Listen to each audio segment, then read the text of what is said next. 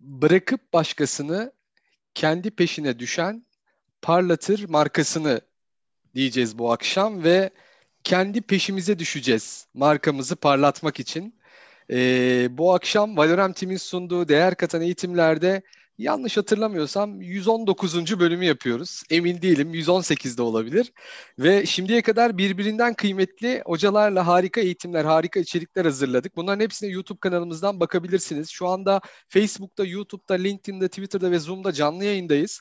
Daha önceki eğitimlerimizin hepsine YouTube kanalımıza ulaşabilirsiniz. Abone değilseniz hemen mutlaka abone olun. Like atın, yorum yapın ki daha fazla insanın hayatında birlikte bu eğitimlerle, bu içeriklerle e, değer katalım diyoruz. E, bu akşam benim de çok uzun e, yıllar öncesinde tanıdığım fakat çok sık görüşme ve sohbet etme şansımın olmadığı çok değerli bir isimle birlikte olacağız. Mevlüt hocamızla, Mevlüt Güleç'le birlikte olacağız. E, tabii bu akşama vesile olan geçen hafta eğitim yaptığımız Kazım hocamıza da çok teşekkür ederiz. Mevlüt hocamız da ortak arkadaşımızdı. Kazım Bey ile sohbet ettikten sonra Hemen Mevlüt Bey ile Mevlüt hocamızla da konuştuk. Dedik ki hemen birlikte güzel bir program yapalım markalaşma ile alakalı. Ve bu tarafta Mevlüt hocamızın e, yaptığı çok güzel çalışmalar var. E, çok güzel içerikler var. Hatta bundan tam 13 yıl önce belki de bugün anlattığı bir kitabı var e, markalaşma ile alakalı. E, oradan da başlıyor olacağız ama öncesinde başlamadan e, ben sizi Mevlüt Güleç ile bir tanıştırmak istiyorum. Mevlüt hocam hoş geldiniz. Hoş bulduk. Nasılsınız? Teşekkür ediyorum. Siyah Bey siz de iyisiniz. Teşekkür ederiz. Bizler de iyiyiz. Allah ee, çok güzel bir organizasyon. Ee, tebrik ediyorum. Yani e, birçok açıdan çok profesyonel e, bir çalışma. E, bu açıdan da hemen e, yeri gelmişken altını çizeyim. E, tebrik ediyorum. Teşekkür ediyorum. Çok teşekkürler. Çok teşekkür ederiz hocam. Çok sağ olun. Valla sizin gibi kıymetli hocalarımızın desteğiyle biz bir yandan e, çok inanılmaz bilgiler, inanılmaz konular hakkında çok e, önemli bilgiler elde ediyoruz. Kendimiz öğreniyoruz. Bir yandan da biz öğrenirken bizim gibi öğrenmeye istekli olan arka tarafta şimdiye kadar yani 100 binin üzerinde insana dokunduk. Hatta YouTube'da yarım milyona yaklaşıyor rakamlarımız. Yarım milyona yakın insana dokunduk ve hızla da büyüyoruz. O yüzden sizin gibi katılan bütün hocalarımıza ve bizi bu akşam dinleyen bütün e, katılımcılara teker teker teşekkür ederiz. Sayımız şu anda Zoom'da toplantı salonumuz dolmak üzere. YouTube'da ona yakın yani 250-300 civarlarında ama sonrasında binlerce insana ulaşıyor oluyor bu içerikler. Tabii bunların arasında sizi tanımayanlar belki bu eğitim vesilesiyle ilk kez tanışacak olacaklar ol, olacaktır hocam. E, kısaca Mevlüt Güleç'i tanıyabilir miyiz sizden? Mevlüt Güleç kimdir hocam? E, Mevlüt Güleç kim? E, nereden başlayayım? Valla zor bir soru. İns- insanın kendini anlatması, kendini tarif etmesi evet. gerçekten zor. Bir de sizin gibi böyle yazdığı içeriklerle e, edebi olarak da böyle bir e, gerçekten farklı e, kendini konumlandıran, güzel böyle duygular hissettiren biri bakalım. Ben ben de merak ediyorum. Mevlüt Güleç kendisini nasıl e, tanıtacak diye şu anda. E, şimdi tabii e, çok basit bir tarafıyla e, Mevlüt Güleç zaten orada yazıyor. Konumlandırma uzmanı diyor. En basit hali bu.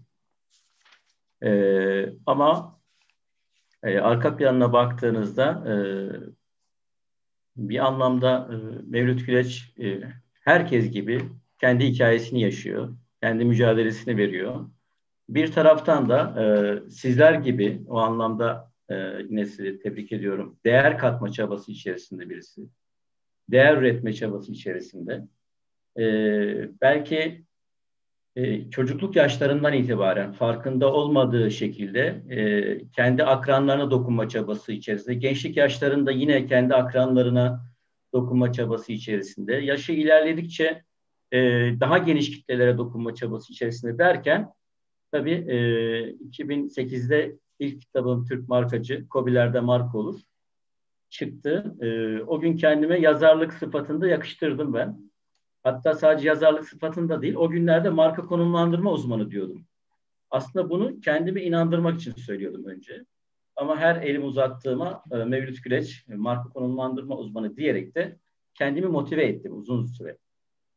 E, bu arada bu e, ünvanı ben kendi kendime verdim tabii. Yani kimse bana vermedi. Böyle bir, e, bunun okulu yok. E, böyle bir E, akademik çalışma yok. Bir kursu, sertifika programı yok. Yok, yok, yok. E, ancak e, uzun yıllar reklamcılık yaptığım için tabii marka, konumlandırma, reklam, tanıtım, iletişim benim e, sektör olarak alanım, işim. E, marka da bunun bir başlığı. E, marka konumlandırma daha da önemli bir başlığı. E, tabii Mevlüt Güleç'i e, anlatırken e, ben diye değil de her üçüncü bir kişi olarak anlatırsam daha rahat anlatırım. Tabii Mevlüt Güleç'in hikayesi e, herkesin hikayesi gibi aslında kendine özel bir hikaye. E, fakat e, başka arkadaşlarıma ilham olabilecek noktalar var. Belki o tarafından yaklaşılabilir. Yani Mevlüt Güleç tamam. İşte Ziya Kızıltan tamam. E işte yarın Ziya bu tarafa geldiği zaman Ziya anlatacak kendi hikayesini. Başkalarına ilham olacak şeyler var. Ben seni tanıyorum, çokça biliyorum.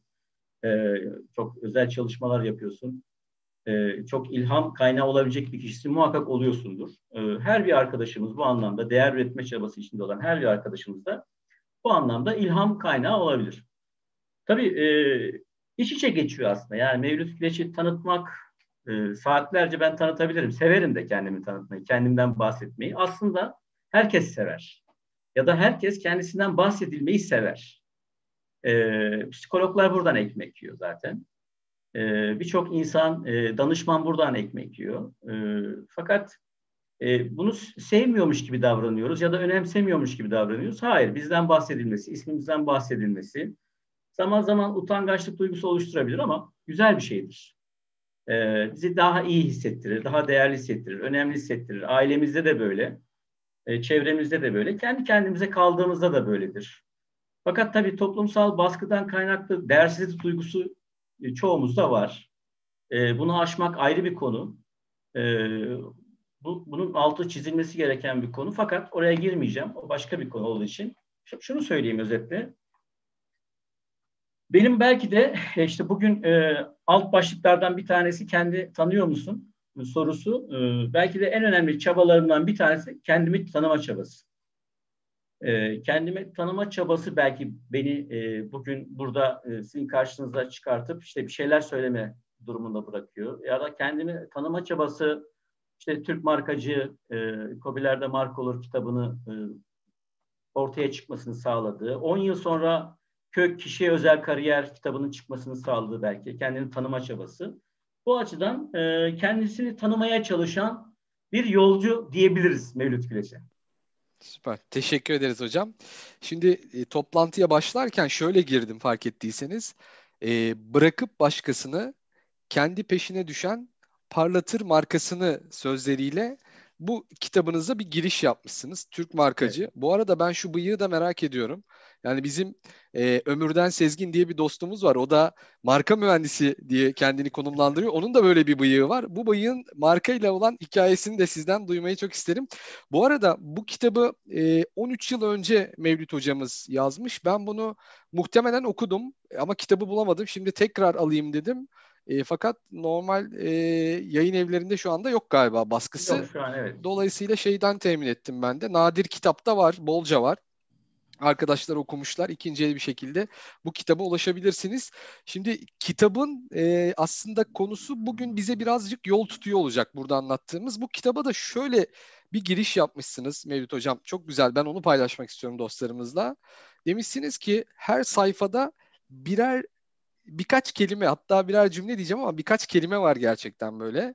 Çok az ve öz bir mesajla giriş olmuş.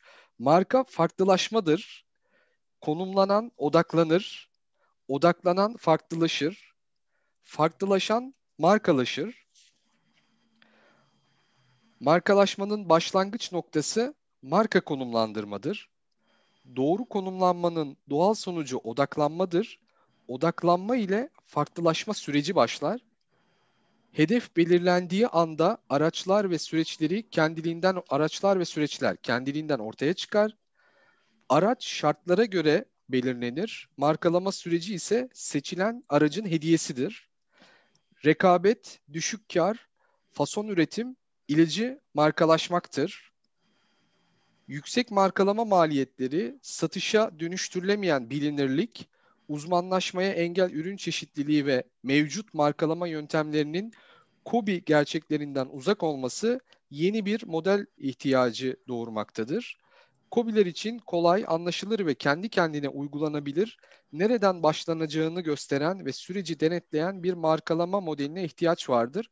İşte huzurlarınızda Kobi modeli markalama Kofta diyerek kitaba bir giriş yapmışsınız. Böyle bir girişle aslında biz de e, bu akşamki konuya bir giriş yapalım.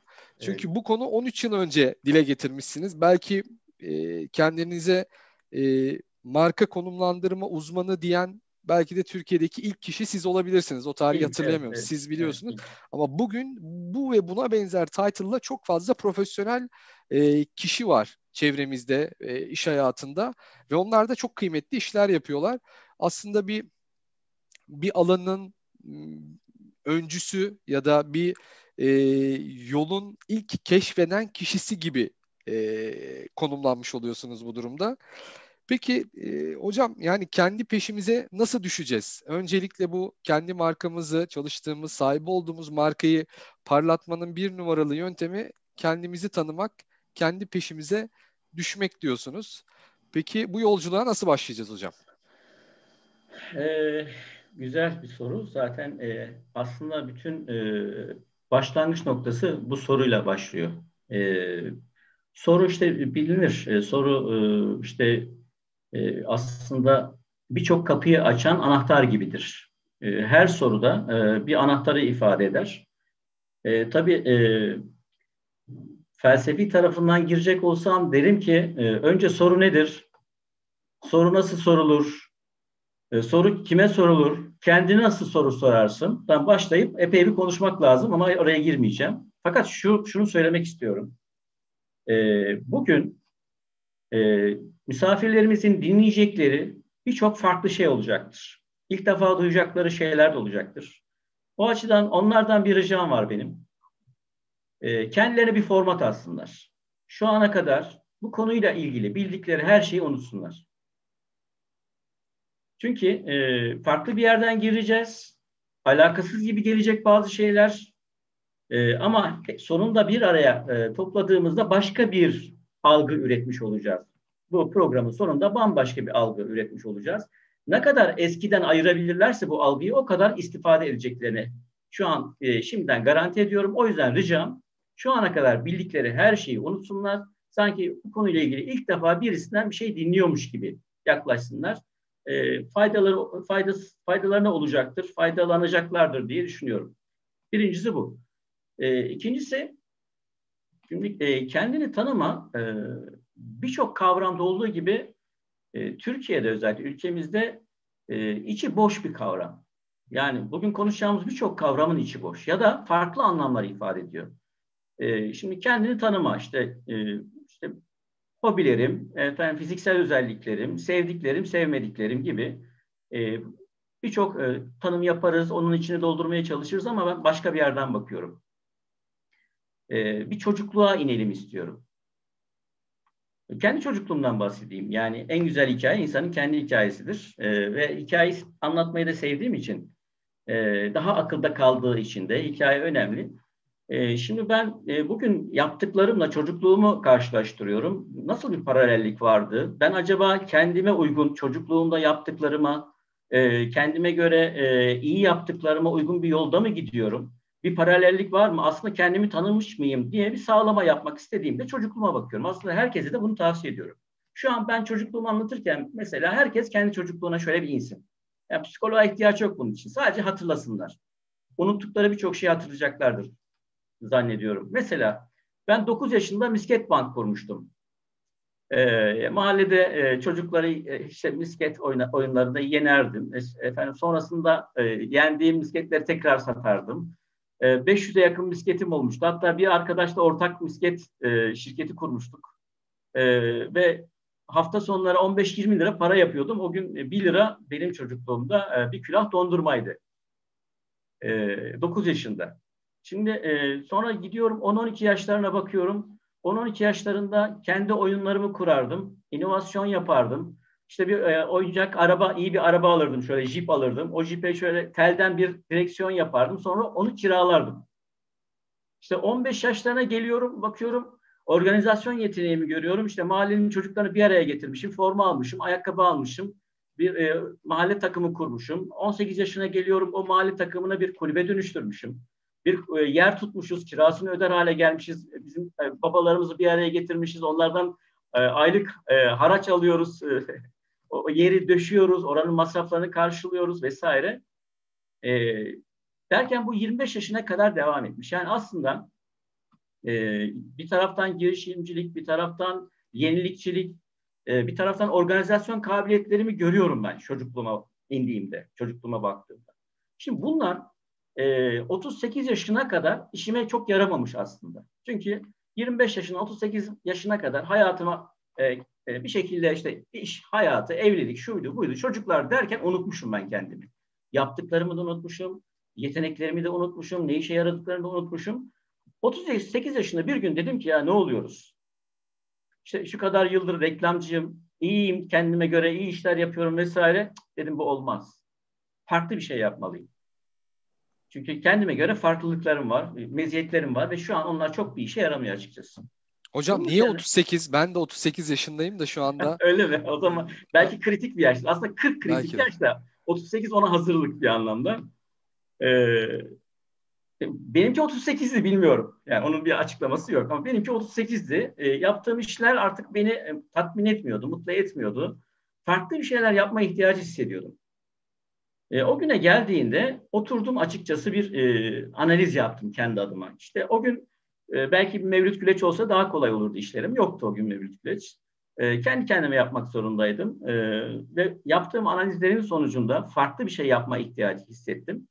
Burada da şöyle bir algoritma ürettim aslında. Dedim ki işte e, reklam sektöründe şu kadar insan çalışıyor. İşte matbaacısı, efendim işte seri ilancısı, işte çantacısı, efendim işte e, televizyon reklamı işi yapan, prodüksiyon yapan vesaire vesaire. Belki 100 bin kişi bu işten ekmek yiyor.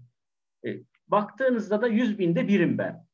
Ama ben istiyorum ki ilk onda bir olayım, ilk üçte bir olayım mümkünse yapabilirsem. Zor bir şey belki bu. Ama oturdu ben bunu çalıştım. Ciddi ciddi ciddi çalıştım. Uzun sürede çalıştım. Nasıl olur? Yani ilk bine, ilk yüze nasıl girerim diye bakınca şöyle bir şey gördüm aslında. Bir fırsat gördüm. O neydi? O şuydu. Ee, yaklaşık bu 100 bin kişi içerisinden yüze yakın insan reklamcılığın yanında yazarlık title'ını da ilave etmişti. Yani reklamcı yazar olmuştu. Bir, bir çeşit kitap yazmıştı. Hikayesi yazan vardı, roman yazan vardı vesaire. Ee, ben de dedim bir şey yazayım. Yani ne olduğu önemli değil. Bir şey yazsam o 100 kişi arasına giriyorum. Ee, bunun üzerine oturdum dedim ki yani bir şey yazayım ama iyi bir şey yazayım 10 kişi arasına gireyim. Ee, bunu da çalıştım. Baktım e, ne var? Yani yak 10 kişi geçmeyecek bir kitle, bir kütle aramaya başladım. Ee, o 100 kişi içerisinden yaklaşık 9-10 kişi e, marka yazmış. Bunu gördüm. Dedim ki demek ki ben de marka üzerine bir kitap yazarsam o 10 kişiden biri olacağım. Güzel. Kağıt üzerinde iyi işliyor sistem. Peki dedim ben o 10 kişi içerisinde ilk üçe girebilir miyim? Yine baktım ne yapmışlar bu arkadaşlar diye. Ee, ikisi marka konumlandırma yazmış. İki kişi. Yani benden önce iki kişi var Türkiye'de konumlandırma yazan. Ha dedim ben yazarsam konumlandırma o zaman ilk üçe giriyorum. Ama bu sefer baktım bu yöntem çalışıyor. Ben biraz daha bunu geliştireyim. Onların yapmadığı bir şey yapayım ve ben Türkiye'de ilk yapan kişi olayım dedim. Marka konumlandırma ve bunun üzerine yeni bir yöntem, COBİ'lere dönük bir yöntem çalışılmamış. Daha önce e, yazan arkadaşlar e, dünyadaki genel konumlandırma algısını daha reklam odaklı, e, farklı bir taraftan bakmışlar. Aslında bunun e, şey, Türkiye uyarlamasını yazmışlar. Ben dedim daha Türkiye'nin ihtiyaçlarına, ülkenin ihtiyaçlarına e, iş dünyasının ihtiyaçlarına dönük ama daha e, orta ve küçük işletmelere dönük bir şey yapayım. Yani çok para istemeyen, çok fazla e, masraf etmeden mevcut işletme mantığı içerisinde, işletme giderleri içerisinde bir marka çabası olsun, bir yöntem oluşsun. Ben de bunun üzerine işte bu 38 yaşında başlayan bu süreç 40 yaşında Türk markacıya dönüştü. Ee, Türk markacı hem marka konumlandırma hikayesini anlatan bir hikaye hem e, o süreçte bir e, yöntem e, anlatan bir kitap. Yani bir tarafta aslında teknik bir e, roman, teknik bir hikaye diyebiliriz. bu anlamda da özel bir kitap. Yani sadece bir marka konumlandırma yazmak, bize özel bir konumlandırma stratejisi ortaya koymaktan öte de hikaye diliyle, bir kurgusal e, altyapıyla yazıldığı için e, o anlamda farklı bir kitap oldu ve ben e, o kitaptan sonra işte web sitesi açtım, işte e, makaleler e, yazdım, siteye koydum, e, bir yıl boyunca e, seminerlere ağırlık verdim derken e, artık seminerlerde şunu söylemeye başlamıştım. Arkadaşlar işte marka konumlandırma uzmanı yazınca Google'a ilk ben çıkıyorum. Yapma hocam falan diyorlardı. Hemen orada yazıyorlar. Evet gerçekten sizsiniz hocam falan. Nasıl oldu bu? Kolay nasıl falan? Dedim çok kolay. Niye? Benden başka kimse yok ki. Ya ben kendimi Google'a tanıttım. Sadece kendime marka konumlandırma uzmanı dedim. Ve Google'da bunu kabul etti, akredite etti beni. Şimdi e, bu hikaye Farkında aslında... olmadan e, e, SEO çalışması yapmışsınız burada. Dijital pazarlamayla uğraşan arkadaşlar. Doğru içerikleri ve doğru keywordleri girdiğinizde siz evet, yukarıda evet. Bu arada 13 yıl önce siz bu kitabın yanında bir de CD hediye ediyormuşsunuz. Evet hocam. evet o gün de biraz abarttık yani, olayı. O yani, da inovatif bir şey yani ama tabii, bu CD bugün, yok bende mesela. Merak ettim şimdi tabii o gelmedi bugün, bana. E, yeni yeni artık yani hikaye, hikaye e, hikayeleri e, seslendiriyorlar. Onunla ilgili e, siteler oluşmaya başladı. Biz o zaman yani insanlar bunu okuyamaz. Arabalarla giderken arabasının e, kaset çalarına taksın, CD çalarına taksın, iz, dinlesin diye de öyle bir ekstra hediye e, yapmıştık. Erken yani, de aslında. Kendi kitabınızın podcast'ini yapmışsınız hocam. evet, aynen aynen. Onu da yaptık o tarihte. Yani özetle şunu söylemek isterim burada. Yani ben bugün baktığımda işte o çocukluğumda e, yaptığım şeylerin aslında devamını yapıyorum. Özellikle 38 yaşından sonrası. Yine insanlara dokunmaya çalışıyorum. İşte bir şeyler yazmaya, bir şeyler üretmeye çalışıyorum. Bir taraftan girişimcilik çabalarım var. E, fakat e, bunun da kendi hikayesi var kendi içerisinde. O da başka bir konu. Yani ondan sonrası da başka bir konu. E, günün sonunda şuraya geleceğim. E, biz aslında e, ben bunları anlatırken biraz e, yukarıdan söyleyeyim ama üzgünüm gerçek. Biz kendimizi tanımıyoruz. E, ve biz e, Kitapta da var. Kitapta konumlandırma cetveli olarak var. Şu an e, kariyer e, check-up olarak e, yeni bir formata büründürdük. Bir süredir 2012'den bu tarafa onu kariyer check-up'a dönüştürdük.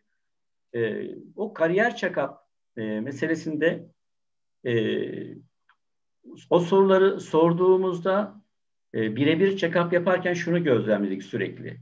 Yani e, bir yeteneğin var mı sorusunu sor, sorduğumuzda yok diyor kişi biraz konuştuğumuzda ya da e, ilk e, yönlendirdiğimiz konu çocukluk oluyor. Çocukluğuna in bakalım diyoruz. Çocukluk döneminde neyi iyi yapıyordun? Ya da ilkokulda, ortaokulda o öğretmeniniz e, hangi konuda sizi e, işte tebrik ediyordu? Çocuklar hangi konuda sizi alkışlıyordu? Büyükleriniz hangi konuda size aferin diyordu deyince dökülmeye başlıyor arkadaşlar. İşte şunu yapıyordum, bunu çok iyi yapıyordum, iyi top oynuyordum falan filan. İşte iyi folklor oynuyorduk. Şimdi unutmuş. Yani e, bunu ben de yaşadım işte. Yani e, işte 20'li yaşlardan itibaren 38 yaşına kadar unuttum aslında ben. Bunların hepsini e, bitirdim. E, eğer ben o gün bu algıya sahip olsaydım bugün başka bir yerde olurdum. Bizim e, altını çizdiğimiz en önemli şeylerden bir tanesi bu. Eğer kendinizi tanıyorsanız, ne kadar erken tanırsanız, bu aslında sizin e, enerji e, toplarınız kendi e, güçlü yönlerinizi bilmeniz sizin enerji toplarınız. Sizi e, yukarı çıkartacak, harekete geçirecek, hızlandıracak, ileri götürecek, bir anda mesafe almanızı sağlayacak konular bunlar. Fakat biz bunu unutuyoruz. Bazen hiç hatırlamıyoruz. Yani ömür bitiyor, biz bunu hatırlamıyoruz. Bazen işte bizler gibi 38-40 yaşında hatırlıyoruz. Ondan sonra bir çabaya giriyoruz. Ee, ama ne kadar erken o kadar iyi. Ya bu anlamda kendini tanımamız e, bir numaralı konu. Yani nereden başlamalıyız? Markaya nereden başlamalıyız? Kendini tanımadan başlayacağız. Süper. Zaten o zaman konulardaki ilk sorumuz kendini tanıyor musun? İkinci sorumuz da yeteneklerinin farkında mısın? Evet. Şimdi o zaman siz kendinizi tanıma önce bir ihtiyaç hissettiniz. E, tabii. Bu 25 ile 38 yaş arasında. Sonra kendinizi tanımakla alakalı bir takım e, adımlar attınız, aksiyonlar aldınız. Böyle birkaç tane bizimle paylaşırsanız öneri şeklinde. Sonrasında da yeteneklerinizi fark etmeniz nasıl oldu? O süreç nasıl devam etti? Yani siz çocukluğunuzu hatırlayarak mı yeteneklerinizi fark ettiniz yoksa e, başka bir şekilde mi oldu? Yok ben çocukluğumu o zaman hatırlamadım. Daha sonra hatırladım. Yani bir yöntem geliştirdikten sonra işin e, ucu çocukluğa gitti. E şimdi e, burada tabii yine farklı bir şey söyleyeceğim. Şimdi herkes e, işte e, kafalarındaki bazı soruların cevabını e, bulmak için işte e, birilerini arıyor. İşte e, bu e, acaba bu konuda kimden destek alabiliriz? Kim bize katkı sağlar? Kim bize yardımcı olur diye bir çaba içerisine giriyor. Doğru mu? Yani e, ne kadar doğru olduğu ayrı bir konu ama eksik olduğu kesin. Eksik olduğu kesin. E, benim kendi hikayemde aslında e, belki de çözüm, belki de anahtar soruları kendime sormak oldu. Başkalarına değil. E, zaten başkalarına sorduğunuzda gerçek cevapları alamıyorsunuz. Değişik sebepleri var bunların. Ona da girmeyelim. E, en doğru cevapları kendiniz veriyorsunuz. Burada e, iki ihtimal var. Ya biliyorsunuz o cevabı ya da sorduğunuz andan itibaren az bir süre sonra onu öğreneceksiniz. Çünkü o kapıya e, o kapıyı açıyorsunuz ve içeri giriyorsunuz. Onu aramaya başlıyorsunuz. Ve bu çok uzun sürmüyor. E, ben e, kitap yazarken özellikle bunu e, fark ettim. E, çünkü kitapta bir taraftan kurgu var, kişiler var, kişilerin özellikleri var, işte diyalogları var vesaire. Bir taraftan bir yöntem oturtuyorum içeriye, bir taraftan da bir kişinin kendi marka konumlandırma hikayesi var. Ee, birkaç şey iç içe geçerken birçok zaman tıkandım. E, gitmiyor, yürümüyor ya da işte yöntem çalışmıyor, başka bir problem var. Yani bir sürü şeyi iç içe çalışıyorum. O sırada şunu gördüm. Ee, problem olduğu anda duruyordum, bekliyordum. O soruları soruyordum ve bekliyordum. Resmen bekliyordum. İki gün, üç gün bazen bir hafta bekliyordum ve o sorunun cevabı geliyordu bana. Bazen kütüphaneme bakarken bir kitapla karşılaşıyordum ama bu kitaptan benim haberim yok. Kütüphanemde var ve sorduğum soru o kitabın içinde. Bazen bir film izlerken adam bana resmen oradaki kahraman anlatıyor cevabını sorduğum sorduğum. Ve ben e, o kitap yazma sürecinde Türk markacı bana çok şey öğretti. Yani ben onu yazarken o da bana, o da beni yazdı. Öyle söyleyeyim biraz şey olsun. E, ve orada şunu gördüm. E, gerçekten kendinize soru sorduğunuzda kesinlikle bunun cevabı sizde var. Ya da gelecek. Evet. Şimdi Sema Hanım demiş ki e, başkalarına sorunca doğru cevabı alamıyoruz zaten. Kendimize sormamız lazım demiş. Çok doğru söylemiş. Doğru. Şimdi soru deyince hatırlatalım. E, şu anda 300'e yakın kişi bizi canlı izliyor. Soruları olanlar Zoom'dan izleyenler Q&A kısmından ve diğer platformlardan izleyenler de chat kısmından sorularını iletebilirler bize. Ben hemen arada onlara bakarak ilgili soruları e, Mevlüt hocamıza yöneltiyor olacağım. Şimdi e, o zaman e, yetenekleri fark etmek e, kısmıyla alakalı doğru soruları sormak gerekiyor ve günün sonunda da farklılaşmak gerekiyor. Yani belki e, düşüncemizi, belki tabii, planlarımızı tabii. ama nasıl olacak bu farklılaşma kısmı? Şimdi yetenekle birleştirerek e, bir giriş yapalım. Şimdi e, yetenek aslında birçok e, kavrama yüklediğimiz sorumlu yaklaşım gibi yeteneğe de e, sorumlu bir şekilde yaklaşıyoruz. Yani ona yüklediğimiz anlam çok dar bir yerden e, oluşuyor. Dar bir çerçeve e, sunuyoruz ya da e, algımız o şekilde.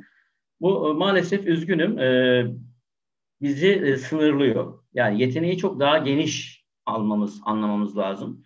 E, yetenek, içsel yetenek, dışsal yetenek, farklı yetenek türleri de olabilir. Ama e, ben burada biraz daha çarpıcı bir giriş yapmak istiyorum. Şimdi e, birçok e, arkadaşa, birçok check-up yaparken sorduğumuzda yeteneğim yok ki cevabını alıyorduk. E, ya da e, ya hocam güzel şeyler söylüyorsun da bunlar hep para ister. Para işi bunlar. İşte bunlar para olmadan olmaz. Ben de diyorum ki o zaman ya yeteneğin yok. Paran yok. Zamanın da mı yok? Bilgin de mi yok bir konuda? Bir konuda tecrüben de mi yok? Hayal gücün de mi yok? İnanın hayal gücü bile olmayan çoğunluk yani biz üniversite son sınıf yeni bir mezun arkadaşlara sorduğumuzda yarısından çoğu yüzde yetmişi hayal gücüm yok diyordu. Ya bunların hepsi ve bunun gibi daha birçok soru ve iç, e, içini doldurduğumuzda, cevapladığımızda şunu göreceğiz. Aslında bunların her biri tek başına başlangıç noktası. Doğru yakaladığımızda, onun ne olduğunu bildiğimizde, anladığımızda aslında bizi yine bir adım, beş adım, on adım, elli adım öne çıkartacak. Ama bunun farkında değiliz. Yani zaman denen şeyi çok kıymetli diyoruz anlatırken. Ya başkası için kıymetli de senin için kıymetsiz mi? Niye sen zamanı kıymetlendiremiyorsun? Ya bir konuya 6 ay odaklansak bir konuya. Benim hayatımda çok öyle örnek var. Birçok e, arkadaşta gördüğüm şeydir. Bir konuya 6 ay odaklansak o konuyla ilgili bir, çevremizdeki birçok insandan farklı şey biliyor oluruz. Bir konuyla ilgili 6 aylık bir tecrübe yaşasak, deneyim yaşasak ya o konuda e, yıllardır çalışan insanlardan belki daha fazla şey biliyor olabiliriz. Yani hayal gücünün değerinin hiç farkında değiliz. Yani hayalde e, evrende sonsuz bir yolculuk imkanımız var. Bunu fark etmiyoruz. Bunu hissetmiyoruz. Hayal gücüyle. Yani herhangi bir araçla gidemediğimiz her yere hayal gücüyle gidebiliriz. İşte insanlar filmler yapmışlar değil mi?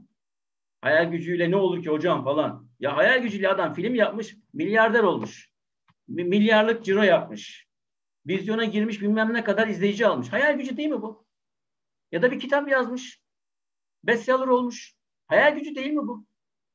Ya birçok şey. Hayal gücü değil mi? Ya buradaki enerji toplarının farkında değiliz. Her birisi kişisel markalaşma olabilir, kurumsal markalaşma olabilir. Bizim güçlü yönlerimiz, güçlü. Ki zayıf yönlerimiz bile aslında bizim bazen enerji topumuz olabilir. Bizi motive edebilir, itici güç olabilir. Yani o yüzden biz zayıf ya da güçlü yön demek yerine o yönlerimizi, o özelliklerimizi, o meziyetlerimizi nasıl kullanıyoruz, ne işe yarıyor? İşte burada konumlandırma dediğim hikayeye geliyoruz. Konumlandırma aslında stratejik yol haritasıdır. Nereden başlayacağınızı, nereye gideceğinizi belirlemeniz ve ortaya çıkan yolu takip etmeniz demektir. Ama nereden başlayacağınızı ve nereye gideceğinizi belirlemeniz lazım. Bu iki noktayı koymanız lazım. Bu iki noktayı koyduğunuzda ortaya bir çizgi çıkıyor değil mi? Ortaya bir yol çıkıyor. İşte bu konumlandırma. Üç şey olacak konumlandırmada. Başlangıç noktası, varış noktası ve güzergah. Bu marka içinde yapılabilir, bir yolculuk içinde yapılabilir. Herhangi bir akit içinde yapılabilir. İş ortaklığı, evlilik, nişanlılık hepsi bir konumlandırmadır. Nereden başlayacaksınız, nereye varacaksınız, hangi yoldan gideceksiniz?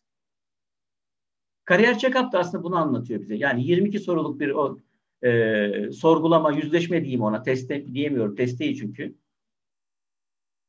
O 22 soruda aslında biz neredeyiz, nereye gitmeliyiz ve hangi yolu takip etmeliyiz soruların cevabını bulmamızı sağlıyor. Şimdi burada işte e, farklılaşmaya geçerken bu enerji toplarını biz kullanabilirsek, ya yani bu başlangıç noktasını biz kullanabilirsek oradan e, biraz önce kendi hikayemde de bahsettiğim gibi ne yapmak istediğimizle alakalı bir algoritma üretebiliriz, bir yol, yöntem bulabiliriz.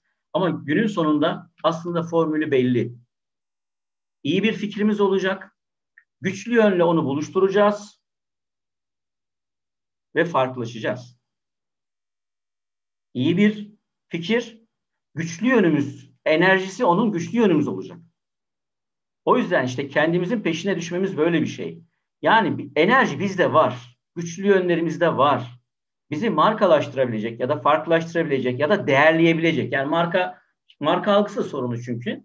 E, marka etiket olarak algılanıyor. Bizim bahsettiğimiz, benim bahsettiğim marka ise daha çok merkezine insanı, kişinin kendisini koyduğu bir değerleme çabasıdır.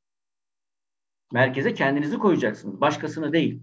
Başkasına çalışmayacaksınız, kendinize çalışacaksınız. Bu bir kurumsal firma da olsa bu bakış açısıyla yaklaşacaksınız. Onun evet, işi değil. Bu, burada Kendi çok, işiniz olarak bakacaksınız. Burada çok güzel bir soru sormuş İlker Bey YouTube'dan. Demiş ki öyleyse önce kendimizi mi marka yapmalıyız?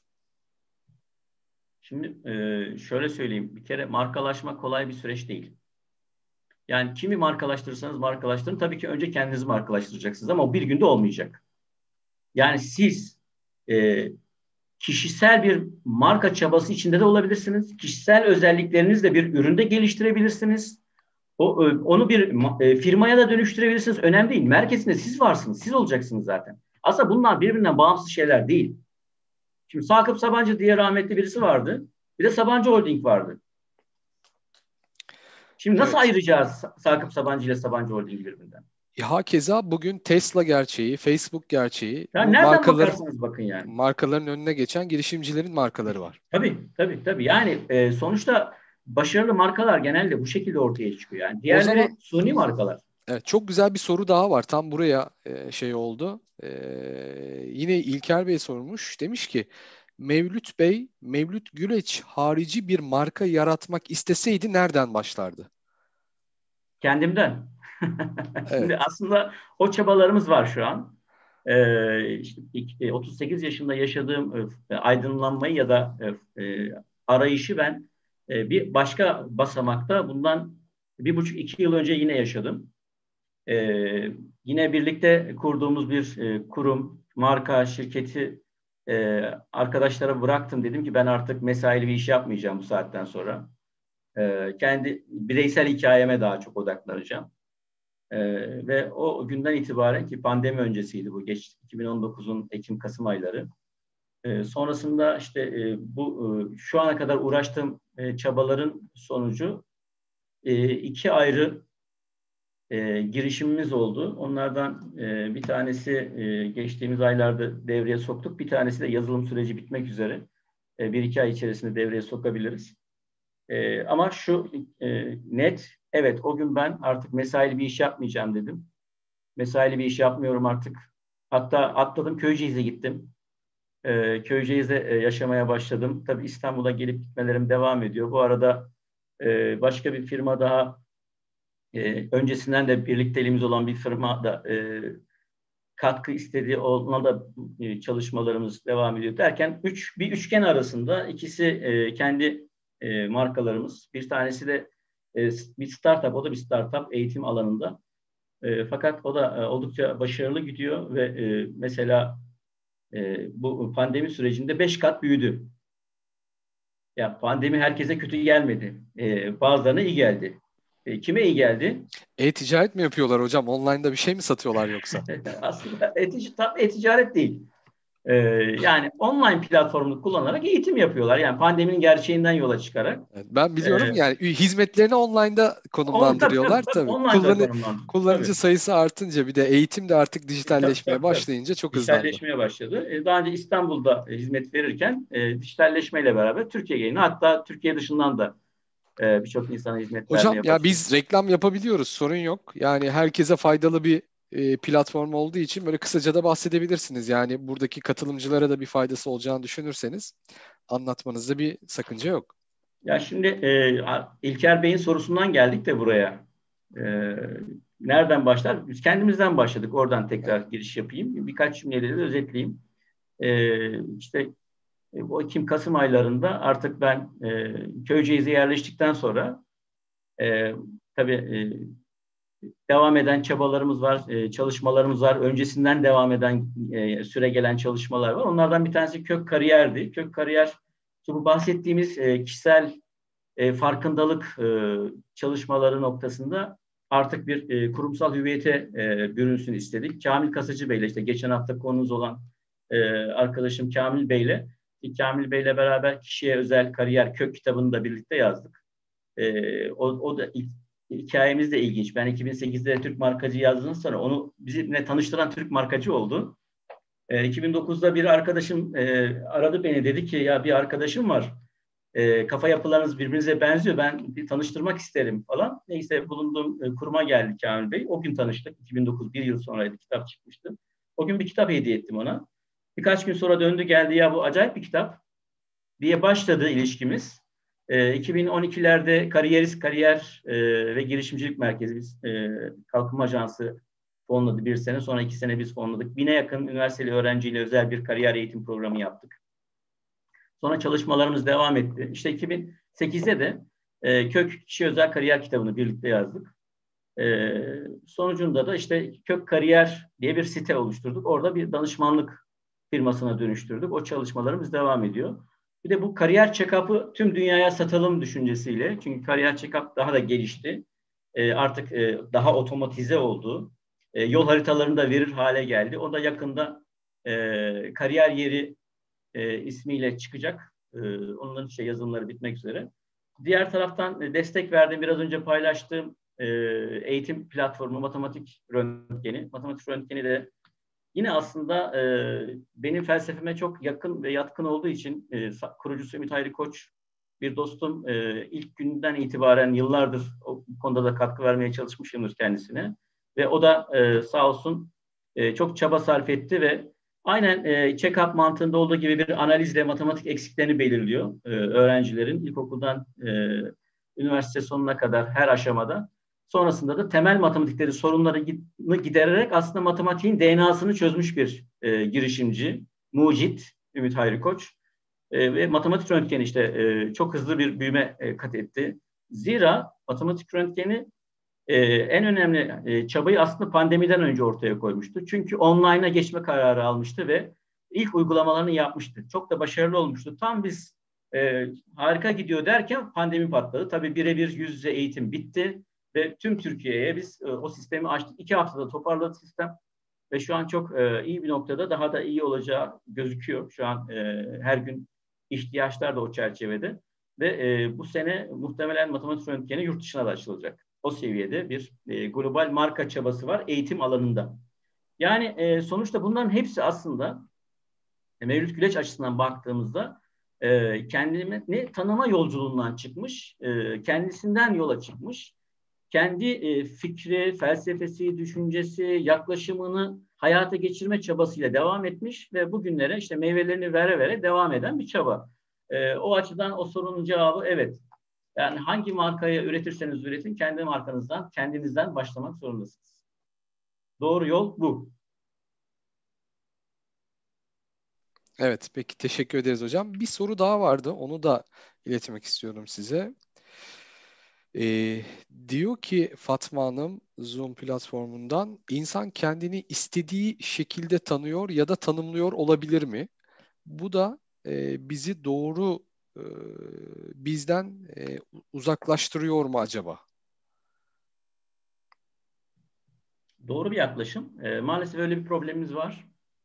E, o yüzden e, doğru soruları doğru sırayla sormak lazım.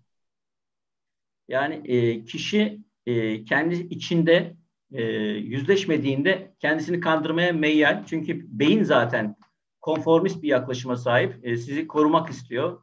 Sizi konfor alanınızdan çıkmanıza pek müsaade etmiyor. Beyinle, beyninizle de mücadele edeceksiniz. Duygularınızla da mücadele edeceksiniz ve yüzleşeceksiniz. E, kıran kırana bir mücadele bu. Bu mücadeleyi başarırsanız e, ya da yol alırsanız ya da o e, kapıdan içeri girebilirseniz e, doğru soruları kendinize sormaya başladığınız andan itibaren doğru cevaplar gelir zorunuza da gitse, ağrınıza da gitse, e, hoşunuza da gitmese de o doğru cevaplar sizin yüzleşmenizi sağlar. Şöyle örnekler vereyim. E, biz e, kariyerist projesinde üniversiteli öğrencilerle işte yüzde e, sınıf e, çalışmalarında e, check-up'la başlıyorduk. Herkes önce e, grup olarak e, bire, bireysel ama e, sınıf içerisinde check-up'larını yapıyordu. Sonra 3-5 öğrenciyi biz e, diğer arkadaşlarına paylaşmak üzere tahtaya kaldırıyorduk. Tabii e, orada e, farklı şeyler oluşuyordu, farklı şeyler gelişiyordu derken e, birçok öğrenci e, daha sonra e, o e, check-up sonrasında ciddi bir kendisiyle mücadeleye girdiğini, ağladığını, üzüldüğünü, hatta devam etmek istemediğini, e, sonra kendisini ikna edip devam ettiğini e, kendisi itiraf etmiştir. Yani bu bir yüzleşmedir, zordur, kolay değildir. O açıdan e, herkes e, gerçeği arıyorsa, doğruyu arıyorsa kendisine soru soracak. Başka da yolu yok. Evet, hatta biz ne kadar oldu? Bir dört ya da beş gün önce Mevlüt Bey'le böyle bir şey yapalım dedik. Uzun zamandır, yıllardır böyle e, yıllar evvelden tanıştığımız ve uzun zamandır da görüşmediğimiz için bir kendi aramızda görüşelim, birbirimizle bir sohbet edelim diye. E, tabii ben de böyle birini bulunca çaktırmadan böyle bir danışmanlık gibi Mevlüt hocamla e, bir seansa başladık. Yaklaşık bir saat, bir buçuk saat sürdü. Bir buçuk Tabii saat. evet orada belki de benim kendime soramayacağım soruları Mevlüt hocam bana sordu. Hatta toplantıya başlamadan önce de söyledim size. Hocam hala o sorduğunuz soruların bazıları aklımda yankılanıyor. hala cevaplarını arıyorum. Ararken de canım yanıyor. Yani demek ki sorular doğru. Beni bulunduğum noktadan farklı bir noktaya götürecek o belki beni rahatlık alanımdan çıkartacak. Çıkartacak. Beni rahatsız edecek sorular aslında. Belki de kendimize o sorunun doğru olup olmadığını anlamak için belki şey de olabilir. Küçük bir ipucu da olabilir. Doğru. Soru bize tatlı geliyorsa belki o soru bizi şey yapmayacak. Yani pek öteye taşımayacak ama soru rahatsız edici ve e, acı bir soruysa, canımızı yakacak gibi bir soruysa belki doğru olabilir bu pencereden bakınca. Büyük ihtimalle doğrudur. Yani ya soru yanlıştır, iki ihtimal var. Yanlış soruyu sormuşsunuzdur ya da e, doğru cevap vermekte zorlanıyorsunuzdur. Soru doğrudur. Evet. Ee, bir de şöyle bir yorum var hocam. Kısaca ona da değinmek istiyorum. Ee, özellikle pandemi süreciyle birlikte e, insanlar e, herhalde radikal kararlar aldılar. Yol haritalarını çizdiler. Acaba bu süreçte çoğunluk kendini dinleyip iç seslerini ortaya koyduklarından mı oldu diyor e, Ümmühan Hanım. Bu koronadan sonra insanların radikal karar alma süreçleriyle alakalı. E, tabii e, bu süreçler insanların kendileriyle baş başa kaldığı, yüzleşmek zorunda kaldığı hatta zaman zaman ya da e, hayatın gerçekleriyle karşılaştığı için de yeni çözümler bulmak zorunda hissettikleri dönemler. E, ihtimaldir ki birçok insan bu konuda e, istifade etmiştir, faydalanmıştır bu süreçten, kendisiyle yüzleşmiştir, kendi gerçekleriyle karşı karşıya kalmıştır, kendisini dinlemiştir ya da kendisiyle konuşmuştur. Bunlar faydalı süreçler. E, bu tür bir faydası olmuş olabilir bir kısım insan için. Evet hocam, bir sorularımızdan ilerleyelim. Bu akşamı açacağımız böyle sohbeti derinleştireceğimiz. E, farklılaşmak mı ama nasıl dedik? Şimdi çok çalışmak mı yoksa odaklak odaklanmak mı sorusu var sırada. Bir de tutundurmalı ama ne zaman? Şimdi e, tutundurmak bizim bildiğimiz reklam halka işler faaliyetleri aslında. E, şimdi zaten marka deyince akla o geliyor işte sorunlardan bir tanesi bu. Yani e, işte biz birçok firmayla da çalışıyorduk daha öncesinden.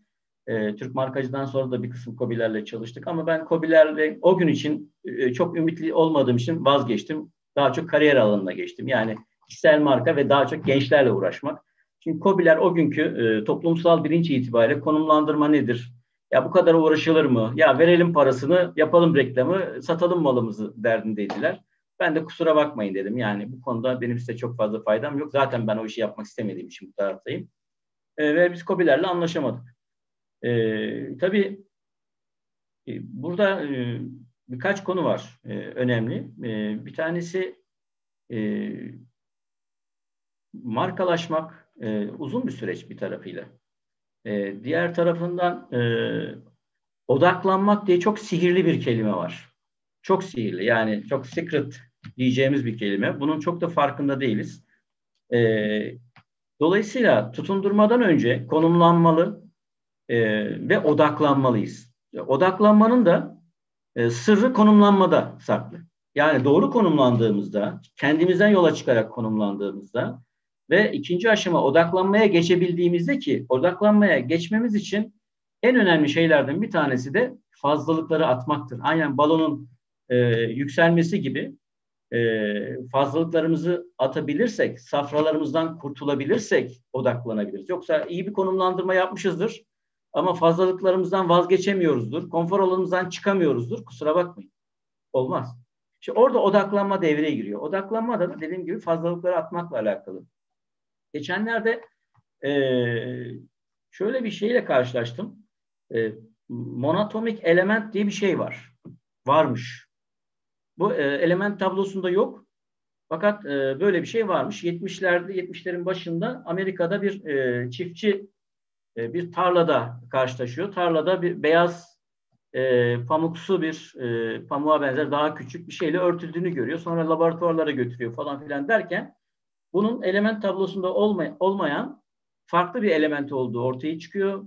E, hatta e, felsefe taşının da bundan yapıldığı daha sonra ortaya çıkıyor. Bunun daha önce Mısır'da vesairede Firavunlar tarafından kullanıldığı ortaya çıkıyor. Bayağı uzun bir hikaye. Ama burada önemli olan bir şey var. Siz e, bu element e, taşı dediğimiz ya da monotomik element dediğimiz şeyi ısıttığınızda e, yer çekimini yenebiliyor bu. E, hatta e, NASA böyle bir şey yapmış. E, bu yaptığı şey e, e, yüzebilen, havada yüzebilen bir şeymiş. E, ve bu yüzebilen şeyin üzerine çok daha büyük ağırlıklar koyarak bunu bir araç olarak kullanabiliyormuş. Yani aslında bir çeşit uçan halı yapmış. Şimdi e, şöyle bir metafor var. Biz hammal olmayı mı tercih ediyoruz? Kahraman olmayı mı tercih ediyoruz? Hangisini istiyoruz? Hammal ne yapıyor? Yük taşıyor.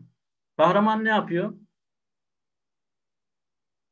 O taşınan yüklerin üzerinde durabiliyor. İşte uçan alın üzerinde gidebiliyor kahraman. Şimdi e, markalaşmak uzun bir süreç, yorucu bir süreç kabul ediyorum. Ama iki ihtimal var. Ya hamallık yapacaksınız ya bir uçan alı e, icat edeceksiniz ve o uçan alıyla dünyayı dolaşacaksınız. Şimdi bu e, bahsettiğim monotomik element de aslında e, uçan halının gerçek olabileceğini söylüyor bize. Belki de e, tarihte vardı. Oradan çıktı uçan halı. Ya bu en, enteresan bir metafor. E, bunu biraz düşünmeye, e, bu konuda biraz e, kafa yormaya davet ediyorum e, dinleyenleri, izleyenleri. Yani e, uçan halı sahibi olmak istiyorsak o zaman konfor alanımızdan çıkacağız, fazlalıklarımızı atacağız, odaklanacağız ve o zaman bir yol alma şansımız var. Ama konfor alanımızdan çıkmıyoruz, fazlalıklarımızı atmıyoruz, odaklanmıyorsak burada yine ilginç bir konu var. Bu element ısıtılınca yer çekimini yenebilir hale geliyor. Yani ısıtmak aslında bir çeşit odaklanma. Yani bir konuya sürekli sürekli sürekli sürekli odaklanırsanız yani sürekli onu çalışır çalışır çalışırsanız işte kimi 10 bin saat diyor buna. Zaten otomatik olarak saflaşıyorsunuz. Aynen bu element gibi. Artık siz bir uçan halıya dönüşüyorsunuz. O yüzden çok çalışmak mı, odaklanmak mı diyoruz ya. Ee, eğer hammal olarak çok çalışabilirsiniz. Emeğiniz kadar olur. Ama bir marka bilinciyle yaparsanız, bir sistem kurarsanız, herkesi size çalışır hale getirirseniz, herkesin yaptığından siz bir şekilde yararlanır hale gelebilirseniz, marka dediğimiz bu zaten. O yüzden e, tercih tabii ki herkesin. Ben şunu söyleyeyim. Yani bugün bizi diyelim ki 100 kişi mi izliyor? Ben size söyleyeyim yani e, kötü haber. Bu 100 kişiden belki birine konuşuyorum ben şu an bir kişiye konuşuyorum. O bir kişi kim bilmiyorum ama ben bir kişiye konuşuyorum. Çünkü çoğumuz konfor alanımızdan çıkamayacağız. İsteyeceğiz. Belki biraz çabalar gibi yapacağız, vazgeçeceğiz. İşte her pazartesi rejime başlamak gibi. Fakat olmayacak. Çoğumuzda olmayacak. Çok az kişi olacak. Zaten dünyaya baktığınız zaman çok az kişi bu işi başarmış durumda. O zaman herkes kendine bir sorsun. Herkes bir aynaya baksın, kendisiyle bir yüzleşsin ben gerçekten kendi peşimden koşabilir miyim? Bu kadar enerjim var mı? Bu çabaya değer mi? Değmezse yormayın kendinizi. Gerek yok yani hamallık da sonuçta bir ekmek kapısı. Eğer konu ekmekse. Evet, Ama hocam. kendinizi kandırmayın. Kendimizi kandırmayalım. İşte zor sorular burada başlıyor Ziya Bey. Tam tam tam tam burada birçok kanaldan birçok dostumuz aynı şeyi sormuş. O çetin sorular nedir? O bizi zorlayan, o bizi sıkıştıran, o bizi terleten cevabını bulamadığımız soruların birkaç tanesini Mevlüt Hocam bize e, sorabilir mi demiş. Ee, aslında biraz önce birkaç tanesinden bahsettim. Yani basit sorular bunlar bakın. Ee, sorular zor değil. Ee, işte hayal gücün var mı? Yeteneğin var mı? Tecrüben var mı? Bilgin var mı? Hayalini finanse edebilir misin? Ama başka sorular da var. Sadece bunlar değil. Bunlar biraz daha e, durum analizi için. Mesela strateji üretmek açısından rol modelin var mı diye soruyoruz ki biz aslında check-up'ın ilk sorusu bu. Şimdi ne alaka değil mi? Yani rol modeliniz var mı? Hatta ben e, eğitimlerde, seminerlerde şöyle yapıyordum. İşte arkadaşlar e, hangi yaş grubu olursa olsun işte e, check-up yapıyorlardı. Sonra tahtaya çıkarıyordum. E, soru bir, rol modelin var mı? Yok diyordu. Otur yerine diyordum. Ya ama hocam işte diğerlerine cevap verdim. Bir anlamı yok diyordum. Rol modelin yoksa sen de yoksun. Neden böyle davranıyorum? Çünkü rol modeli aslında bütün her şeyi içinde barındırıyor. Yani sen alanını belir, belirlemişsin. Alanını daraltmışsın. Niş bir alan bulmuşsun. İyi bir fikir geliştirmişsin. Oradan bir stratejik ürün çıkarmışsın. Bununla ilgili bir, e, bir takvim belirlemişsin. iş planı yapmışsın. Zaman planın ortaya çıkmış. Bir bütçe oluşturmuşsun. Rol modelin varsa artık yola çıkmaya hazırsın demektir. Eğer rol modelin yoksa bunların çoğunu yapmamışsın. O zaman git önce onları çalış. Zaten onları çalışınca bir rol modele ihtiyaç duyacaksın. Ama biz o ihtiyacı en başta söylüyoruz. Diyoruz ki rol modelin var mı? Sadece bunda da sınırlı değil. İkinci soru belki bu kadar bunun kadar önemli. Rol modelin yapamadıkları var mı? Ya hocam diyor e, rol modelim yok ki yapamadıklarını bileyim. E zaten e, ilk soruyu hayır demişsen ilk üç soru birbiriyle bağlantılı. İlk üç soru 22 soruyu da bağlıyor. O yüzden otur diyorum ben yerine. O yüzden otur. Ha diyor anladım. Şimdi e, üçüncü soru ilk iki soru kadar kritik. Rol modelin var mı? Var. Piyasada yapamadıkları, başardıklarının yanında yapamadıkları var mı? Ya, rol modeli tanıman lazım. Sadece var demekle yetmiyor. Onu tanıyacaksın, araştıracaksın, yaptıklarına bakacaksın, başarılarına bakacaksın, bir de yapamadıklarına bakacaksın. Yani onu çok iyi etüt etmen lazım. Ama üçüncü soru bu ikisini de barındıran bir soru. Peki o yapamadıkları içerisinde pazarda bir ihtiyaç var mı? Çünkü senin yapmak istediğin, başarmak istediğin, iyi bir fikrinin olduğu, hatta stratejik ürün geliştirdiğin alanda başarılı, o yoldan geçmiş birisi var. Onun yaptığını yapmanın, onun peşinde koşmanın bir anlamı yok. Onun yapmadığını yaparsan onun önüne bile geçme şansın var. Eğer bu üç soruya gerçekten doğru cevap verirsen zaten stratejin belirli.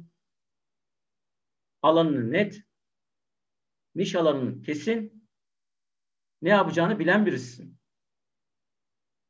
Böyle 22 soru geliyor arka arkaya. Aslında basit. Evet mi hayır mı? Evet mi hayır mı? Evet mi hayır mı? Bir evet hayır oyunu ama öyle değil. Sırası ve soruların kendisi bir araya gelince siz işte o 22 soruyu sorduğunuzda kendinize bir terliyorsunuz. E, iki şey ortaya çıkıyor çoğunlukla. Ben birçok e, katılımcıdan bunu duydum. Hatta 45-50 yaşlarına gelmiş ya da işte kariyerin son aşamasına gelmiş. Bir yerlerde müdürlük yapan, devlette ya da özelde geldiler bana şunu söylediler. Dediler bu sorulardan sonra biz iki şey fark ettik. Temelde ortak iki soru vardı, iki sonuç vardı. Birisi kendimizi tanımıyormuşuz. Çünkü bu soruları hiç kendimize sormamışız. İkincisi kendimiz için hiçbir şey yapmamışız. Düşünebiliyor musunuz? Yaş gelmiş 45-50'ye. Artık emeklilik aşamasında yani artık e, kişisel tatmin olarak da en üst seviyede olması lazım. Belli bir alanda belli bir yere gelmiş ama bu soruların sonunda bu iki şeyi söylüyor. Kendimiz için hiçbir şey yapmamışız diyor. Ne kadar acı. Ve kendimizi tanımıyormuşuz. Ve ortaktı bunlar yani çoğunluk böyleydi. Ya bu evet hayır sorularının Düşünebiliyor musunuz? Yani ortalaması 11'de 12'de kalıyor. Yani 22 sorunun 22'sine evet diyebilen neredeyse yok. Hocam bu sorular e, Kök Kariyer kitabında var galiba değil mi? Var. Kök Kariyer kitabında tamam. Evet. Kötü haber Kök Kariyer kitabının da baskısı yok ama nadir kitapta şu anda bir tane var. Hızlı olan kazanır. Evet girip onu alsın. E, almadılarsa geçen hafta bir tane vardı. Belki tükenmiştir. Ama e, ben e, sizin Kamil Hoca ile yaptığınız bir e, eğitimin video kaydını izledim. Kamil Hoca'nın şöyle bir sözü vardı. Bir elinde bu kitap vardı. Diğerinde de Kök Kariyer kitabı vardı. Şey diyordu size. Hocam bu iki kitabı okuyan kişi kendini tanıma yolculuğuna, kişisel markalaşma yolculuğuna ve kendi kariyerindeki markalaşma yolculuğuna çıkmıştır ve doğru bir başlangıç yapmıştır. Bu iki kitap başlangıç için yeter diyordu. Ee, ben de mutlaka bu yolculuğa çıkacak olan dostlara bu iki kitabı e, mutlaka temin etmelerini e, ve okumalarını önerebilirim. E, bir de çok güzel sorular var. Bu yolculuğa çıktık hocam. E, kendimizi tanıma ve markalaşma yolculuğuna.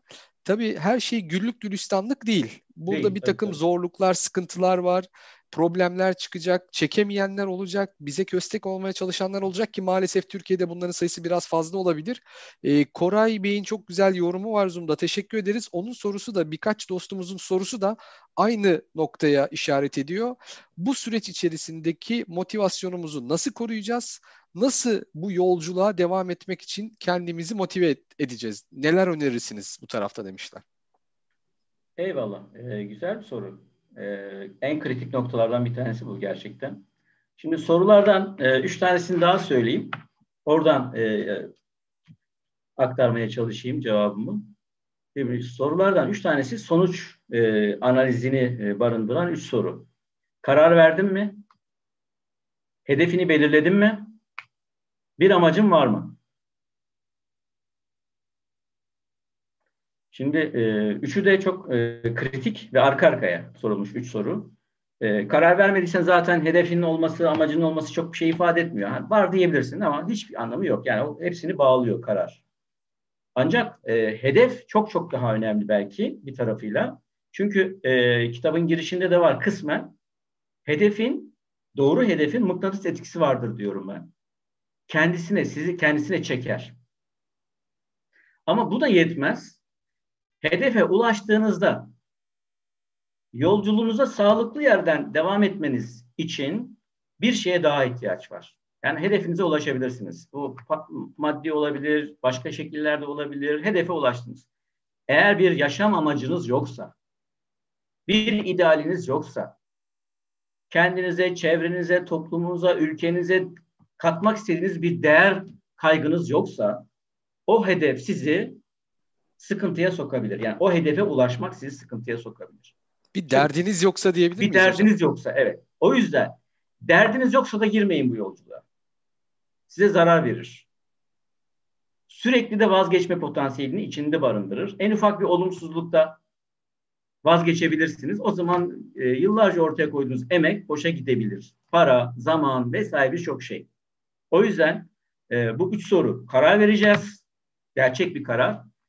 Çok sağlıklı kendimizi düşünerek bir hedef, gerçekçi, ölçülebilir, rasyonel bir hedef koyacağız. Ama belki de bunların hepsini taşıyacak, sizi oraya taşıyacak şey amaç olacak.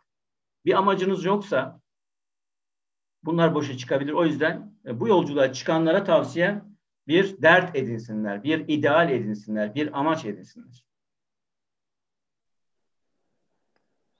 Evet hocam Sorulardan da bir tanesi oydu. Para kazanmak mı, marka olmak mı? Yani bunlar ayrı şeyler mi? Yoksa marka olunca para kazanmış mı oluyorum ben? Şimdi e, aslında iç içe e, fakat e, farklılaştığı yerler var. Yani şimdi e, para kazanmak e, temel kaygıdır. Marka olmak lükstür bir tarafıyla. E, bu temel kaygı aslında temel ihtiyaçlardan kaynaklanır. İşte yeme, içme, giyinme, barınma gibi. E, dolayısıyla aynı anda markalaşma çalışması da kolay değildir. Yani bir taraftan siz e, yeme içme derdindesiniz, bir taraftan markalaşma çabası içerisindesiniz. Bu kolay bir süreç değil. Ama e, yeme, içme ve barınma ihtiyaçları süreklidir. E, markalaşma ise e, belli bir aşama içerir. E, bu ikisini birleştirebilirseniz tabii ideali. Yani ikisini dengeli bir şekilde götürebilirseniz ideali. Zaten para kazanma markalaşmanın içinde, marka olmanın içinde var. Fakat her para kazanan marka mı oluyor? Hayır, olmuyor. Fark ne burada? Yani e, para kazanmak bir çeşit ev satın almak gibidir. E, ama marka olmak e, arazi satın almak, arsa satın almak gibidir. Yani ev fiyatı düşer, kalkar, yıkılır, şu olur, bu olur, e, tadilat isteyebilir, masrafı çoktur ama arazi kolay kolay yıkılmaz. İşte yol geçmediği sürece senindir. Yol geçse de değerlenir. Fiyat hep yükselir. Fark olmak birazdır. Aslında para kazanmak artı içeriyorsa işte kişisel tatmin, e, itibar, e, kredi, e, kendini gerçekleştirme gibi duyguları da, manevi duyguları da içinde barındırıyorsa ve bir sistem içinde barındırıyorsa ona marka diyoruz. Ama sistem yok. Sürekli sizin eforunuzu gerektiren, e, çabanızı gerektiren bir süreç varsa o para kazanmayla sınırlı. Bu da yine e, kişisel karardır. Sadece para kazanmak, al satla da para kazanır, başka yollarla da para kazanır, emeğini satarak da para kazanırsınız. Ama işte benim bir arkadaşım e, emeğini satarak ayda çok güzel paralar kazanıyordu. Diyelim ki 20 bin lirayla bundan birkaç yıl önce para kazanıyordu. E, sağ olsun laf dinledi biraz. Biraz çabaladı, uğraştı. Şimdi e, kendisi yok sistemde. Bir sistem kurdu belki onun 10 katı para kazanıyor şu an. Kendisi de hiç mesai harcamıyor. Bunu birkaç yıl içinde gerçekleştirebildi. Yani şimdi bu bir çaba, bir kaygı, bir dert gerektiriyor. Buna karar verecek olan biziz, kendimiziz. Ee, işte dinleyenlerimizin herhangi birisi buna bireysel olarak karar verecek. Hangisini istiyorsa İkisi de değerli, ikisi de önemli, ikisi de kutsal bir çaba. Fakat bir tarafta kendini gerçekleştirme kaygısı var, bir amaca ulaşma derdi var. Bir tarafta ise tamamen yeme, içme, temel ihtiyaçları karşılama kaygısı var. Buna karar verecek olan para kazanmak mı, marka olmak mı aslında bir e, kritik bir soru. E, bu sorudan da yola çıkılabilir.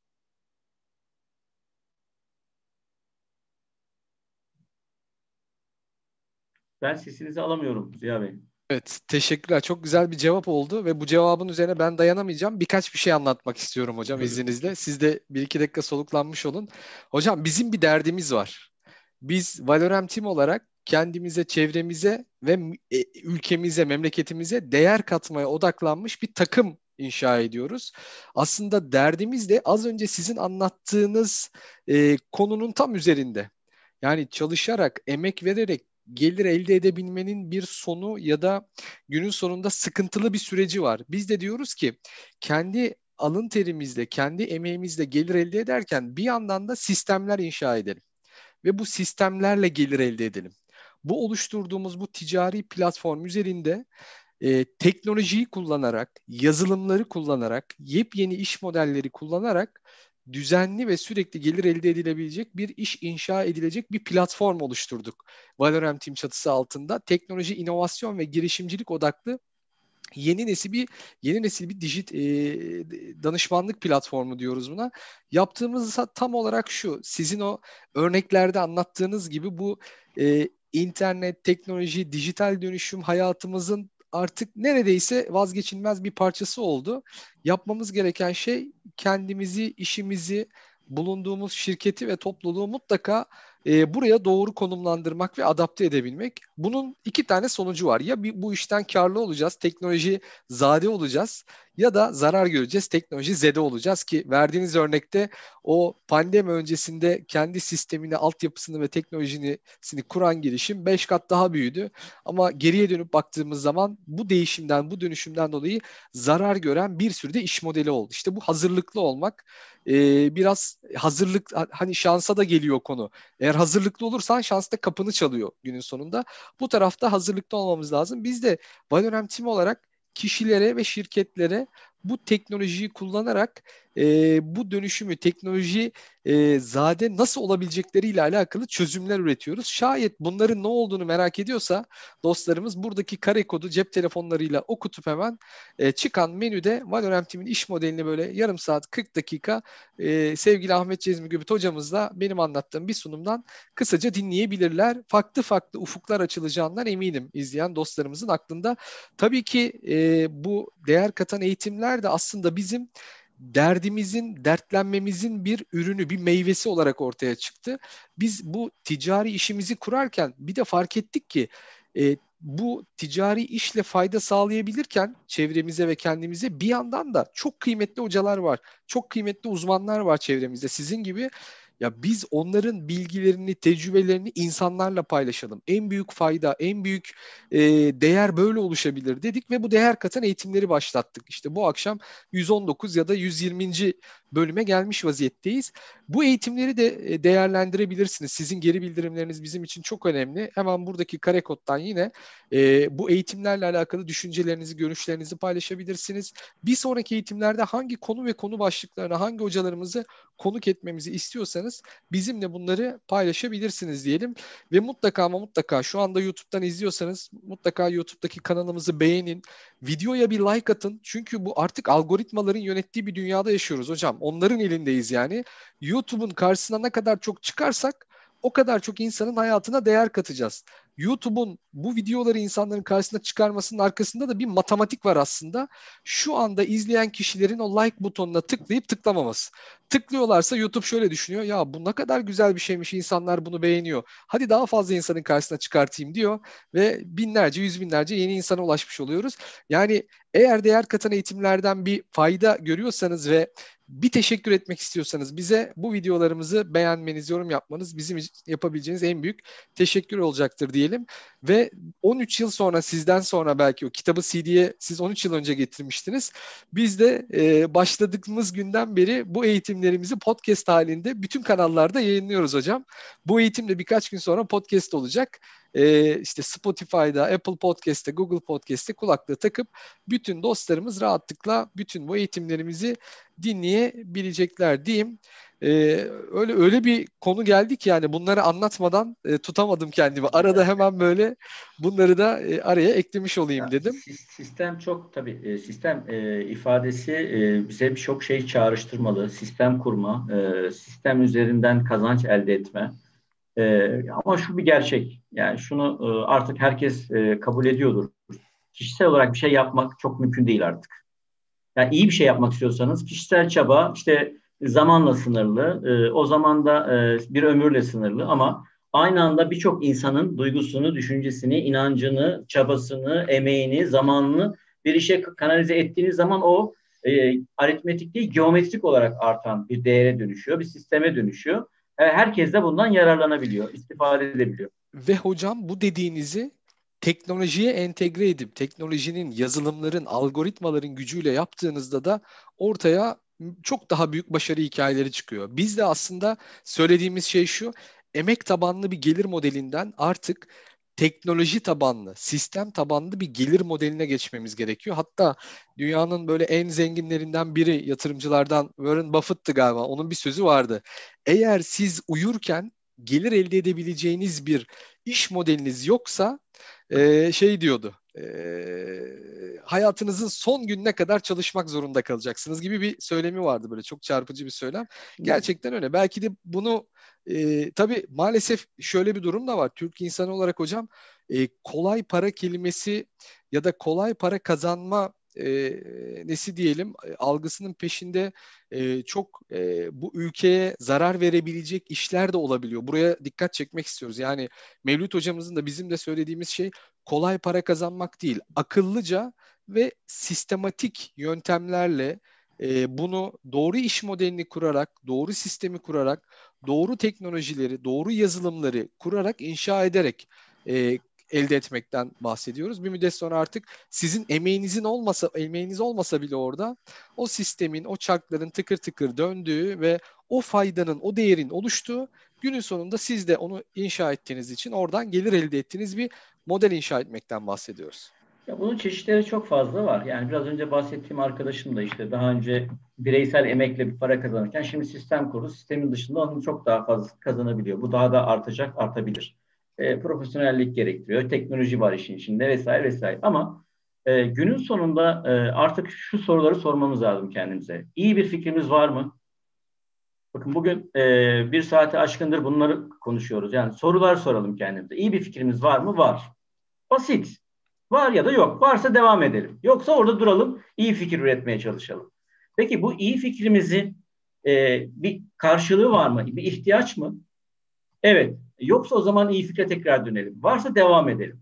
Peki bu iyi fikrin, e, bu ihtiyaç sadece Türkiye'de mi, dünyada mı? Dünyada. O zaman sat kardeşim. Dünyaya sat kardeşim o zaman iyi bu fikrini. Bakın iyi bir fikrim var. İhtiyaç var. Tüm dünyada ihtiyaç var. O zaman satabilirsin. Bu imkan var artık. İşte teknolojiyle. O bir, birinci kitapta Türk markacıda şöyle bir ifade var. Geleceğin üç ana sektörü var deniyor. Bakın geleceğin meslekleri şunlar bunlar bir tarafa. Gelecek yani çok yakın olmayan ama orta vadeli gelecekte üç tane ana sektör var.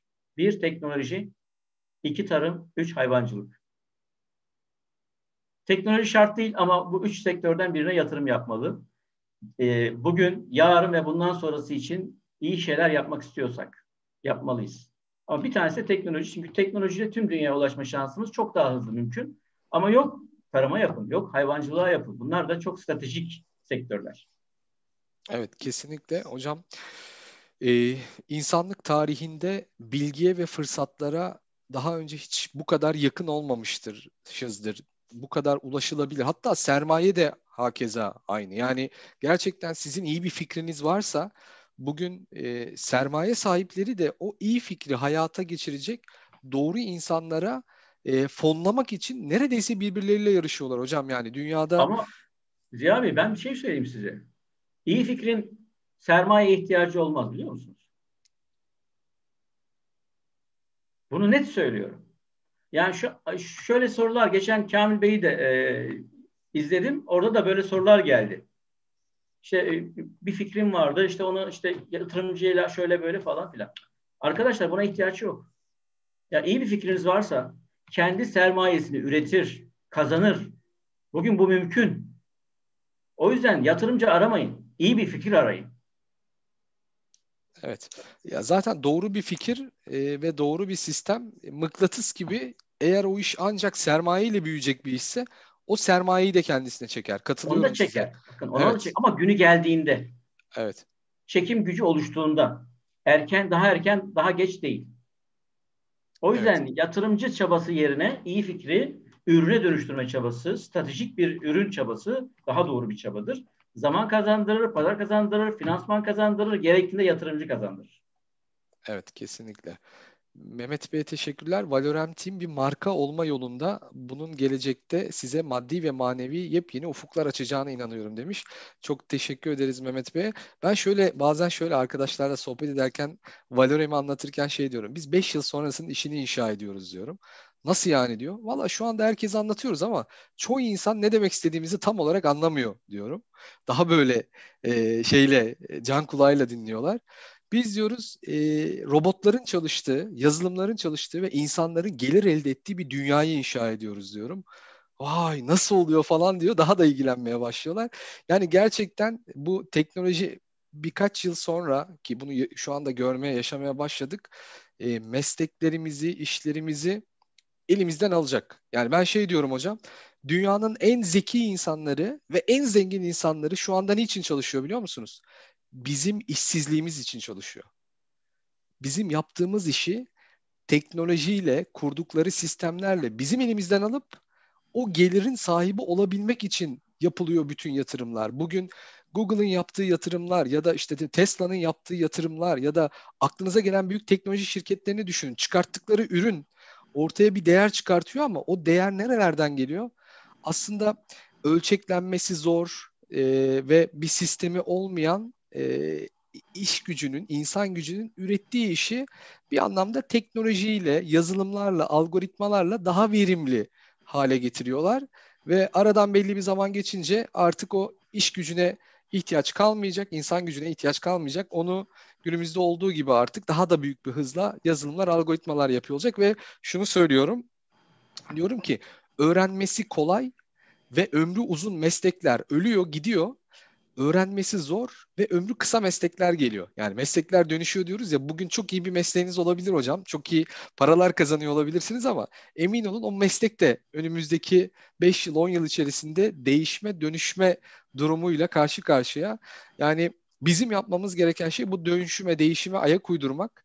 Bir yandan işte kendimizi ve geleceğimizi iş modelimizi doğru e, konumlandırıp planlayıp e, ve yeni yetenekler, yeni kabiliyetler kazanmak. Yani bir girişimci bile artık tek bir noktaya odaklanmak çok önemli. Çözümü oluşturmak ve markalaşmak için ama tek noktaya odaklanırken e, bir sürü farklı alanlarda da kendimizi geliştirip o tek noktaya giderken yolumuzu kolaylaştırmamız gerekiyor. Ne bileyim çok daha bizi hızlandırabilecek yeni e, alternatif kanalları harekete geçirmemiz gerekiyor gibi e, durumlar söz konusu. Burada şöyle bir soru var hocam onu da atlamayalım hemen. Bu rol model çok önemli dedik ya bu soruya cevabınız yoksa otur yerine dediniz ya.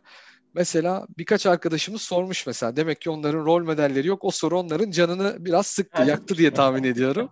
Ama güzel bir şey yani böyle kızmaca darılmaca yok. Evet canları yanmış ki ya bu olmasa olmuyor mu diyorlar. Yani illa bir rol model mi olması gerekiyor? Benim yaptığımı daha olur, önce yapan biri yok. Bir şey yok bakın. Olmaz diye bir şey yok. Hepsi olur. Ama e, yine kendileri karar versinler. Yani kendileri çabalayarak 30 senede mi bir rol modelle 5 senede mi? Bunu onlar karar versinler. Ben onların işlerini kolaylaştırmak adına yapıyorum bunu. Ya da o bir üniversite yeni mezun bir arkadaşım 5 yıl sonra bambaşka bir yerde olmasını sağlamak için o sert tepkiyi veriyorum. Ya da şu an herhangi birisi bunu sert kabul ediyorsa onun için söylüyorum bunu. Yok 30 yılda da yapabilir. 30 yıllık enerjisi varsa, dayanabilecekse, gücü, takati varsa. Ama diyorum ki sen karar ver. İster 30 yılda yap kendi çabanla. Deneye yanıla, deneye yanıla, deneye yanıla, düşe kalka. Hatalarla iç içe.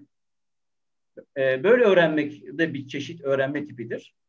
Ya da sorarak, danışarak o yoldan geçmiş birisine E, yol tarifi isteyerek de bir öğrenme çeşididir. Ben diyorum ki bir 30 yılda bir yere ulaştırır sizi. Aynı yere öteki 5 yılda ulaştırır. Karar onun. Süper. Çok güzel bir örnek oldu. Ee, sorunun altında şöyle bir soru daha vardı hocam. Onu atlamayayım. Ee, onların yapmayı istedikleri işi daha önce hayata geçirmiş biri yok. Yani illa rol model almak iste, alma, almaları gereken alın dediğiniz o kişi e, kişinin başardığı işi başaran, başarmak istediği şeyi daha önce başaran biri mi olmalı?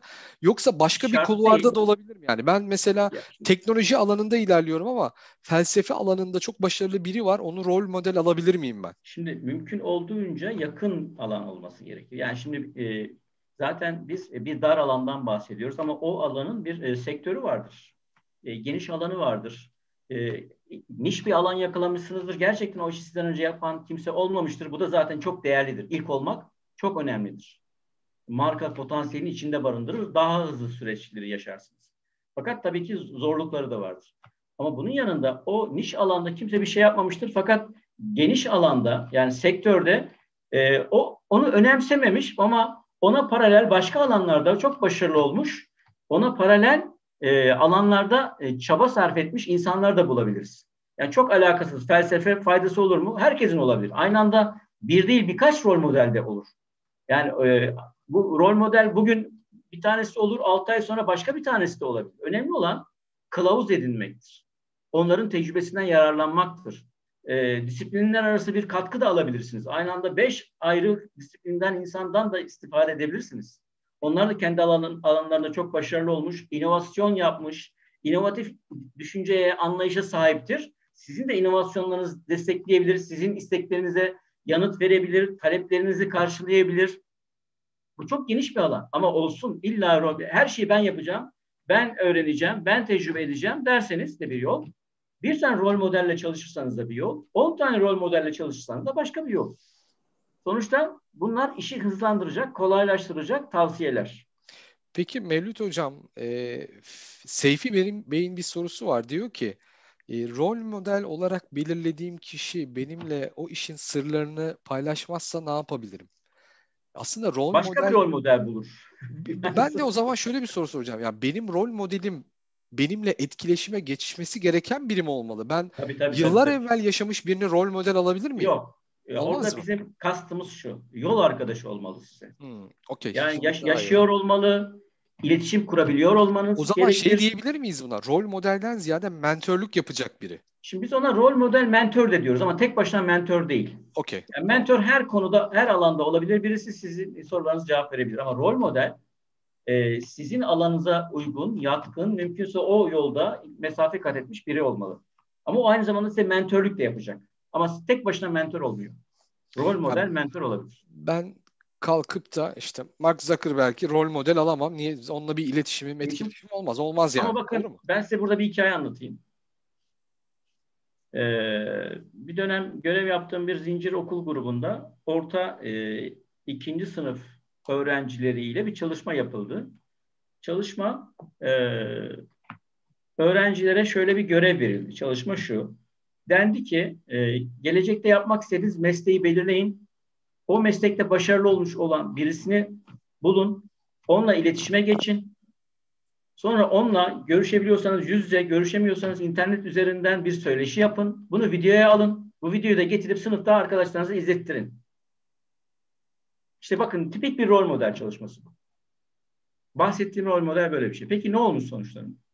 Ee, özellikle bir öğrenci bu e, haberlere de çıktı o dönem e, Neymar'ı rol model seçmiş. Ben demiş futbolcu olacağım. Benim rol modelim de Neymar.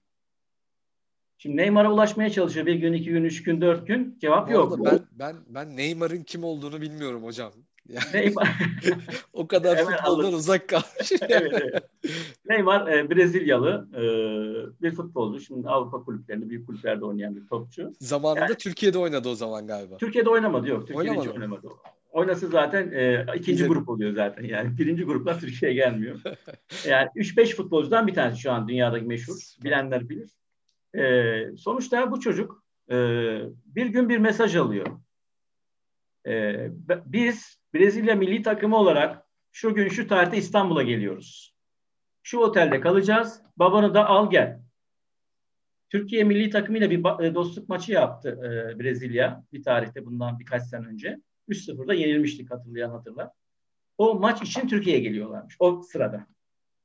Ve bu çocuk babasını da alıyor gidiyor. Onunla bir röportaj yapıyor, videoya alıyor. Efendim e Neymar bir tane forma imzalıyor, veriyor. Sonra geliyor sınıfında bunları aktarıyor çocuk. Bu haber oldu.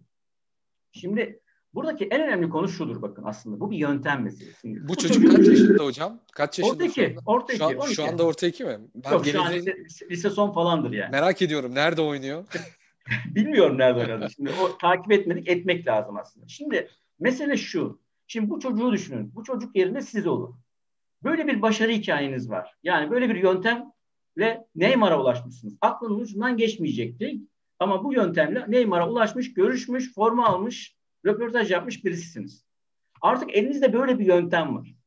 Bu yöntemi daha sonra uygulamaz mısınız? Evet. Dersiniz ki ben Mark Zuckerberg'le nasıl iletişim kurarım? Şey, Çalışırsınız. Sonra mail sen, atarsınız. Evet. Eski sen sen değilsin. Bunu bir kere yaptıysan artık. Heh. Mesele bu yöntem meselesidir. Yani rol model de de kastımız sadece oraya rol model ismi yazmak değil. Onunla iletişime geçmek, kendini anlatmak ama onu da tanımak. Bizim e, üniversitede bir öğrencimiz e, o e, kariyerist döneminde e, şeyin LCY2'nin e-ticaret pazarlama müdürünün rol model belirlemişti. Sonra onunla iletişime geçmeye çalıştı. Ve onu e, o dönem e, e, istasyonlar e, marka istasyonlar yapıyorduk. Firmalardan yetkililer geliyordu. O konuyla alakalı meslek istasyonları yapıyorduk. Geliyordu, anlatıyordu yaptığı işi. E, atladı geldi adamcağız ve aynen şunu söyledi. Çocuğun adı Gizem'di. Dedi ki Gizem tek başına bile olsaydı ben yine gelirdim. Çünkü dedi benim 2000 tane tweetimi okumuş.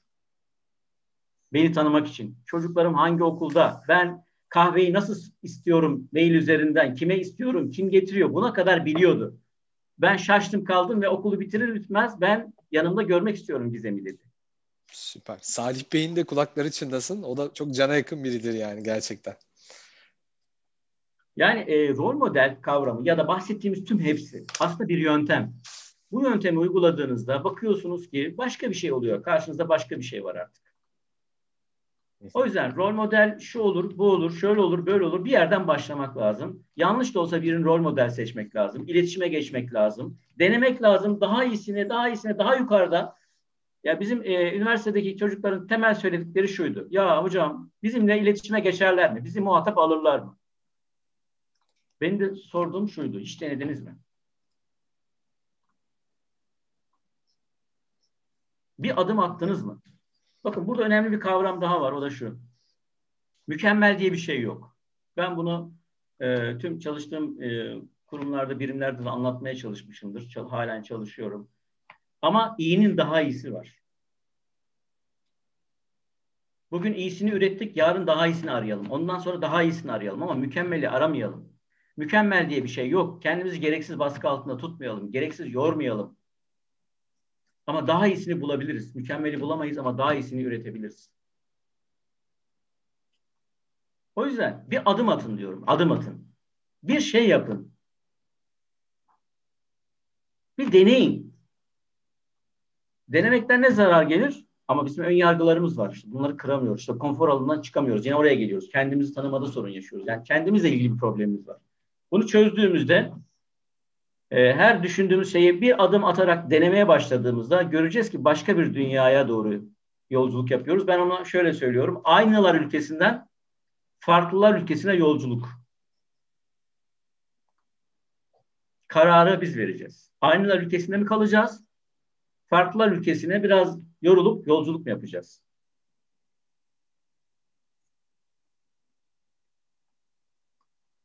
Evet. Kararı biz vereceğiz. Kararı Şimdi vereceğiz. hocam bütün kanallardan çok sorular geldi. Ben yetişemiyorum yani. O soruları ee, bence kendilerine sorsalar cevaplarını biliyorlar diye ben en başta söylediğim şeyi söyleyeyim. Evet. Güzel yorumlar da var. Çok teşekkür ediyorlar. Sizlere de çok teşekkür ediyorlar hocam. Selamlarını da iletmiş olalım bütün dostlarımıza. E, bu konu gerçekten ilgi gerçekten çok yoğun. Yani hem katılımcı sayısından hem de sorulardan ben görüyorum anlıyorum. Tabii aklıma şöyle bir şey geldi hocam. Siz yıllardır e, marka konumlandırma ve e, kariyer check-up konusuna e, ciddi emek ve mesai harcamışsınız. Orada e, müthiş bir tecrübe var. Ya bu tecrübelerinizi böyle biraz daha e, buradan herkese aktarabileceğimiz ne yapabiliriz hocam? Nasıl bir e, model çıkartabiliriz, sistem çıkartabiliriz? Yani çok kıymetli. Yani bir de e, okumaktan ziyade izleyerek e, evet. Artık herkesin daha Doğru. kolayına gidiyor hocam. Yani şu şu kitap çok kıymetli ama şu kitabın böyle 45 dakikada bir videosunu çekseniz var ya belki okuyan kişi 50 bindir, öbür türlü 500 bin kişiye ulaşabiliriz yani. O yüzden sizin tecrübelerinizi böyle biraz daha video content olarak ve e, şey e, nasıl diyelim workshop tadında uygulamalı ya anlatıyoruz ama bir markada, bir kişide, bir konsepte, bir sistemde örnek olabilir bu gerçek de olabilir. Yani bilemiyorum şimdi aklıma gelenleri paylaşıyorum. Böyle bir model, böyle bir kurgu. E, belki birlikte yapabiliriz. Belki siz yaparsınız. Bunu biz duyurusunu yaparız. Çok mutlu oluruz çünkü insanlara faydası olur. E, böyle bir şey mümkün olur mu hocam? Ne düşünürsünüz? Her şey mümkün. Birincisi e, kendi söylediğimizi kendimiz yapmalıyız. Her şeyi deneriz. Orada sorun yok. E, birincisi bu. İkincisi bu sene e, yılın ikinci yarısında hem Türk markacı hem kökle ilgili e, bir Hollywood mantığıyla bir e, yeniden işte birinin ikinci birinin üçüncü baskısını yapmayı düşünüyoruz. Ama farklı bir mantıkla, bir promosyon mantığında, farklı ürünlerle beraber, promosyonel ürünlerle beraber, içinde videolar da olacak şekilde, farklı mecralardan ulaşılabilecek şekilde bir düşüncemiz var. Yani bir ürünü alıp e, o üründen neler yapabiliyorsak, e, hangi kanallardan ulaşabiliyorsak, sadece bir kitap olarak değil, dediğiniz gibi uygulamaları, videoları vesaire çalışmalarıyla işte e, belki bazı yazılımlarla da destekleyerek e, belki Türkiye'de belki dünyada hiç yapılmamış şeyler yapmayı düşünüyoruz. E, onun ikinci yarısı yalnız e, düşünüyoruz. Bu ilk yarısı başka projelerimiz var.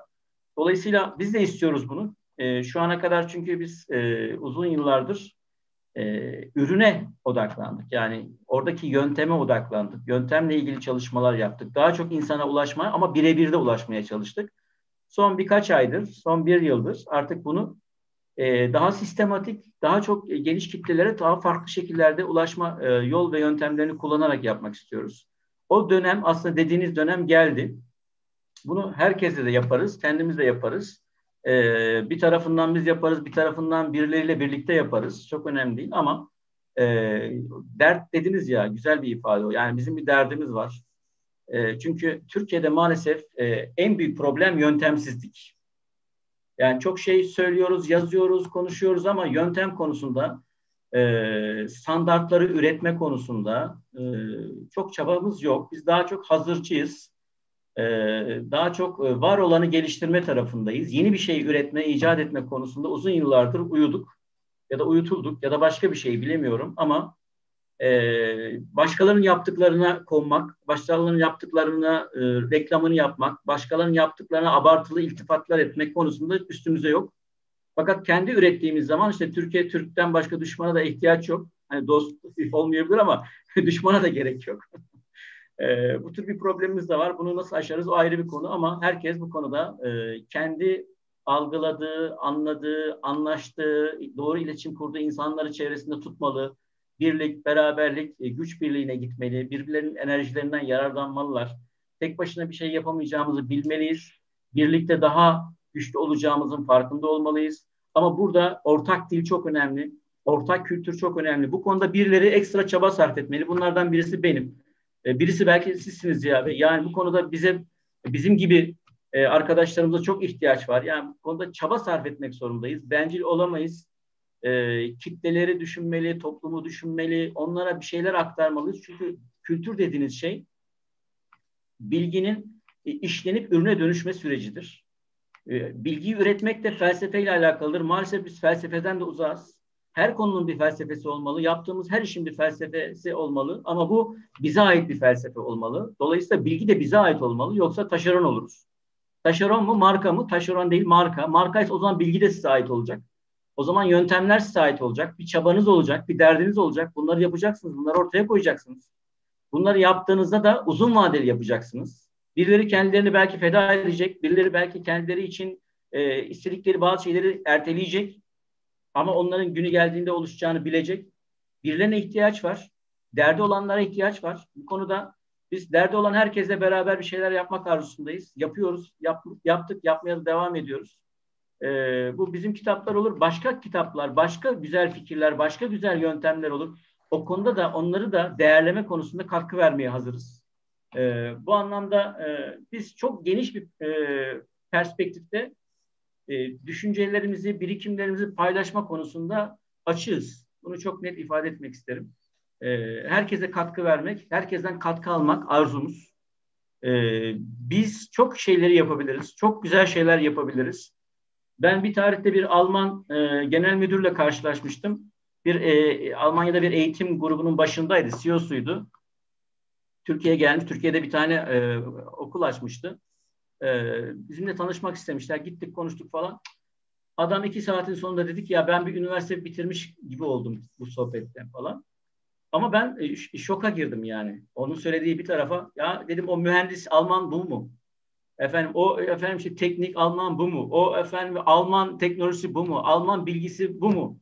Yani ben o zaman Almanları başka şekilde gördüm. Yani biz kendimizi çok küçük, aciz, eksik görüyoruz. Öyle değiliz. Bunu bilelim. Gerçekten onların karşısına biz e, iyi şeylerle çıktığımızda onlarda bir şey olmadığını, yani düşündüğümüz kadar bir şey olmadığını ya da tek başlarına bir şey ifade etmediklerini görüyoruz. E, muhakkak değerli şeyler üretmiştir. Herkes, her ülke, her topluluk. Ama biz de kendimize güveneceğiz. Güvenmek durumundayız. İyi şeyler yapıyoruz, yapabiliyoruz. Bunu bilmeliyiz. E, ve çok kısa sürede yani geçen güzel bir sohbette siz de güzel örnekler verdiniz. Yani üç toplum, üç millet var dediniz. Bunlardan bir tanesi Türk, diğer ikisi önemli değil. e, dolayısıyla biz çok daha pratik, e, birçok şeye hazır, birçok şeyi çok hızlı düşünüp geliştirebilir bir yapıdayız. Çünkü çok bulunduğumuz coğrafya enteresan bir coğrafya. Burası İskandinav ülkesi değil, burası Avustralya değil, burası Kanada değil, burası Türkiye. Sadece İstanbul 3-5 tane medeniyetin, 3-5 tane imparatorluğun kurulup batırıldığı bir yer. E, Türkler bilmem kaç tane devleti kurmuş, batırmış, her gün devlet kurmuş, istediği gün devlet kurabiliyor. Bu ne demek? Aslında ben de devlet kurabilirim, siz de devlet kurabilirsiniz. Ya da ikimiz geliriz bir devlet kurarız. Bu devlet bir ülke kurmak anlamında değil, bir şirket kurmak da bir devlettir. Güçtür devlet. Ya bu anlamda söylenecek çok şey olabilir ama ben e, son söz olarak e, kendimize güvenmeliyiz ve e, yöntem konusunda yapabileceğimiz çok şey var. En büyük ihtiyacımız yöntem. Ben de kişisel olarak ve son e, uzun yıllardır Kamil Kasacı ile beraber bir yöntem üzerinde çalışıyorum, çalışmaya devam ediyorum. Bugün anlattığım da aslında bu yöntemdir. Anlatmaya çalıştığım da budur. Ve herhalde son nefesime kadar bu benim bir e, hayat amacıma dönüştü. Bunu anlatmaya devam edeceğim. Bunu daha çok insana ulaştırmaya çabam devam edecek. E, bu konuda e, yardımcı olabileceğim herkese, katkı verebileceğim herkese katkı vermeye hazırım. E, açık çek veriyorum buradan. E, çünkü ortaya çıkacak her şey bizimdir arkadaşlar. Her şey bizimdir. Dolayısıyla bu konuda bizim de katkımız olursa seviniriz, mutlu oluruz. Ziya Bey size de çok teşekkür ediyorum. E, bu platformda e, bizi ağırladınız, e, lütfettiniz, e, davet ettiniz. Çok teşekkürler. Saygılar, sevgiler, selamlar. Hocam biz teşekkür ederiz. Çok keyifli bir sohbet oldu. Bitirmeden önce iki konuyu e, ben... E, bitmedi diyorsun. Bitmedi. Hemen göndermeyeceğiz hocam. Birincisi sizin bu derdinize derman demeyelim de derdinize e, biraz daha böyle merham olacak, derdinizi daha fazla insana aktarmanıza vesile olacak e, bir eğitim platformu nu önümüzdeki günlerde Valorant Team olarak duyurmaya başlayacağız. Sizin buradaki bütün tecrübelerinizi, know-how'ınızı, oradaki o pratiklerinizi şimdi siz de konuşurken bir yandan Ahmet Hoca yazdı. Ahmet Cezmi Göbüt. Ziyacım dedi sen bizim yakında lanse edeceğimiz bu eğitim portalını anlatıyorsun aslında. Farkında mısın dedi. Hocam doğru söylüyorsunuz dedim. O yüzden mutlaka sizinle konuşalım. Bütün oradaki tecrübelerinizi bir workshop şeyinde, tadında pratiklerle, sorularla, cevaplarla kişinin hem videoları izleyerek hem metinleri okuyarak hem gerekli araştırmaları yaparak e, interaktif bir şekilde e, yepyeni bir öğrenim deneyimi yaşatacağımız bir model kurguladık. E, sizin derdinizle de bir araya gelince burası müthiş bir şey olur. Onu mutlaka size aktarmak isteriz ve burada dinleyen bütün dostlarımıza da önümüzdeki günlerde bahsediyor oluruz. E, bir de diğer konu, ikinci konu değinmek istediğim bu Türklerle alakalı bahsettiğiniz bizim yakın zamanda bir derdimiz daha oldu hocam. Şey gibi oldu, bu bir çocuğumuz daha oldu gibi bir derdimiz daha oldu. Zaten çok derdimiz vardı. O dert de biliyorsunuz bu Covid döneminde iş insanları, firma sahipleri, girişimciler evlere kapanınca e, birçok nedenden dolayı zorlu durumlarla karşılaştılar ama e, o nedenlerden bir tanesi de yeni insanlarla tanışamamak, e, yeni iş birliktelikleri, yeni iş ortaklıkları kuramamak oldu. İşlerini büyütememesinin önündeki engellerden, sıkıntılardan biri de bu oldu. Ben de yıllardır Türkiye'nin dört bir tarafında hem e-ticaretle alakalı hem de farklı konularla dijitalleşmeyle alakalı eğitimler, etkinlikler yaparken bir sürü konferansa, bir sürü etkinliğe katılımcı ve konuşmacı olarak katıldığımda hep şunu görüyordum bu etkinliklerde hocam. İnsanlar bu etkinliklerde yüzlerce bazılarında binlerce insan bir araya geliyor anlatanlardan gerçekten çok önemli bilgiler alıyorlar. Ama asıl önemli katma değer o etkinliklerdeki insanların birbirleriyle tanışması, sohbet etmesi, kartvizit alışverişinde bulunması, yeni iş ortaklıkları, yeni fikirleri paylaşmasıyla ortaya çıkıyordu. Yani e, ben her etkinlikten sonra cebimde onlarca kartvizitle ve aklımda, hayalimde yepyeni iş birlikteliklerinin heyecanıyla evime dönüyordum. Bu pandemi süreci bütün bu etkinlikleri durdurunca belki uzunca bir zaman daha olmayacak. E, bunu e, dijitale taşımak zorunda bıraktı bizi. Dijitale taşıyınca aynen bugün olduğu gibi konferanslarla insanlara Zoom, Instagram ve YouTube üzerinden canlı yayınlarla o etkinliklerdeki sahneden anlatılanları aktarmayı başardık. Başardık ama en büyük etki o değildi ki o zaten YouTube'da var. Yani Mevlüt Güleç bugün anlattıklarının belki tamamını değil ama parça parça yan yana koyunca daha önce anlattı benzerlerini. Asıl kıymetli olan kısım insanların o etkinliklerde birbirleriyle tanışması, yeni fırsatlara ulaşabilmesiydi. Ve biz bu problemle dertlendik ne yapabiliriz diye. 12 Aralık'ta e, geçtiğimiz 12 Aralık'ta Türkiye'nin e, iş odaklı ilk dijital tanışma etkinliğini düzenledik. 12dakika.com'dan arkadaşlar detaylara bakabilirler. Öyle bir etki çıktı ki hocam ortaya. E, amacımız 12 dakikalık birebir konferanslarla birebir iş görüşmeleri yaparak iş insanlarının e, potansiyel işlerini, fırsatlarını, müşterilerini, iş ortaklarını bulmasını sağlamaktı. Detaylara girmeyeyim. E, toplamda 12 saat süren bu etkinlikte e, 4800 küsür kişi katıldı, iş insanı katıldı. 25 farklı ülkeden 126 farklı şehirden katılım oldu hocam e, ve 8 binin üzerinde 12 dakikalık birebir iş görüşmesi gerçekleşti. Ve Avrupa'da yapılan e, araştırmalara göre her bir e, bu B2B matchmaking görüşmelerinin ortalama e, meydana çıkarttığı ticari değerin 4-5 bin euro olduğu söyleniyor. Ya bizim Toplam 10 bin 20 ya milyonlarca liralık ticari bir değer ürettik hocam. Yani bu bizi o kadar heyecanlandırdı ki belki Türkiye ekonomisi için çok büyük bir şey değil. Ama bunu şey diye düşündük. Bunu durgun bir suya attığımız bir taş gibi evet, evet. ortaya çıkan ilk halka gibi ve bu bizim için e, bir proof of concept oldu. Kendini ispatladı ve bu iş gerçekten bu model gerçekten herkese faydalı ve mutlaka olması gereken bir model. O kadar çok talep oldu ki hocam e, biz hiç bir ticari bir model de yoktu arkasında. Yani bir sponsorluk modeli yoktu. Katılımcılar bir ücret ödemiyordu. Tamamen bunu test etmek için kendi emeğimiz, eforumuz ve e, desteklerle bu platformu sağlayan kişilerin destekleriyle hayata geçirdik biz bunu. E, ve sonrasında o kadar çok talep oldu ki biz destekçisi olalım, katılalım, sponsor olalım, birlikte bunu şuraya taşıyalım, buraya taşıyalım diye biz baktık ki bu şeylere karşılık veremeyeceğiz ve bunu bir üst seviyeye çıkartmak için hem kullandığımız teknolojiyi daha iyi bir teknolojiyle değiştirmek için. Çünkü bu işin ölçekleneceği belli var olan teknolojinin bizi uzun vadede götürmeyeceğini fark ettik. Sonrasında bunu çok daha üst bir vizyonla, çok daha üst bir e, faydayla herkese açmamız ve paylaşmamız bizimle birlikte belki e, binlerce, on binlerce, yüz binlerce insanı dertlendirebileceğimizi fark ettik hocam. E, dedik ki dünyadaki Türk iş insanlarını bir araya getiren bir platform inşa edelim dedik ve bunun ilk adımlarını atmaya başladık. Ee, önümüzdeki günlerde e, detayları paylaşıyor olacağız ufak ufak. E, o tarafla alakalı görüşmeler yapıyoruz. Net tarih belli değil ama onu park ettik. Böyle de bir derdimiz çıktı ortaya. O tarafta da sizin bu tecrübeleriniz ya da e, know-how'ınızla bu dertte de birlikte dertlenebiliriz hocam. Özetle bunu söylemiş olayım. İnşallah. Ee, başarılar diliyorum. Çok önemli tabii e, çalışmalar bunlar. E, tabii e, ben hep şöyle söylüyorum. E, ne hangi aşamaya gelirsek gelelim daha yeni başlıyoruz.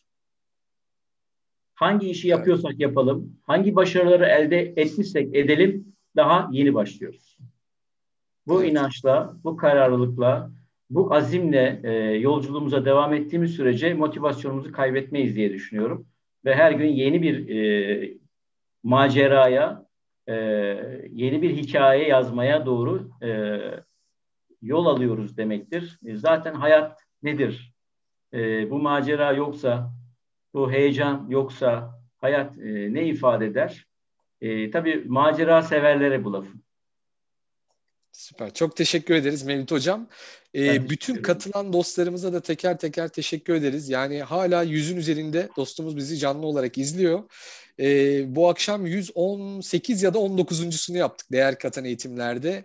Mevlüt Güleç hocamızla marka olma yolculuğuna çıktık ama bu yolculuk esnasında da kendimizi ve e, kendi güçlü yönlerimizi nasıl tanıyabiliriz? Bu tarafa ışık tuttuk. Mutlaka Mevlüt hocamızın nadir kitapta var. Türk markacı kitabını alın, okuyalım, e, şey yapın. Bu buradaki içeriklerden faydalanın diyelim, tavsiye ederiz.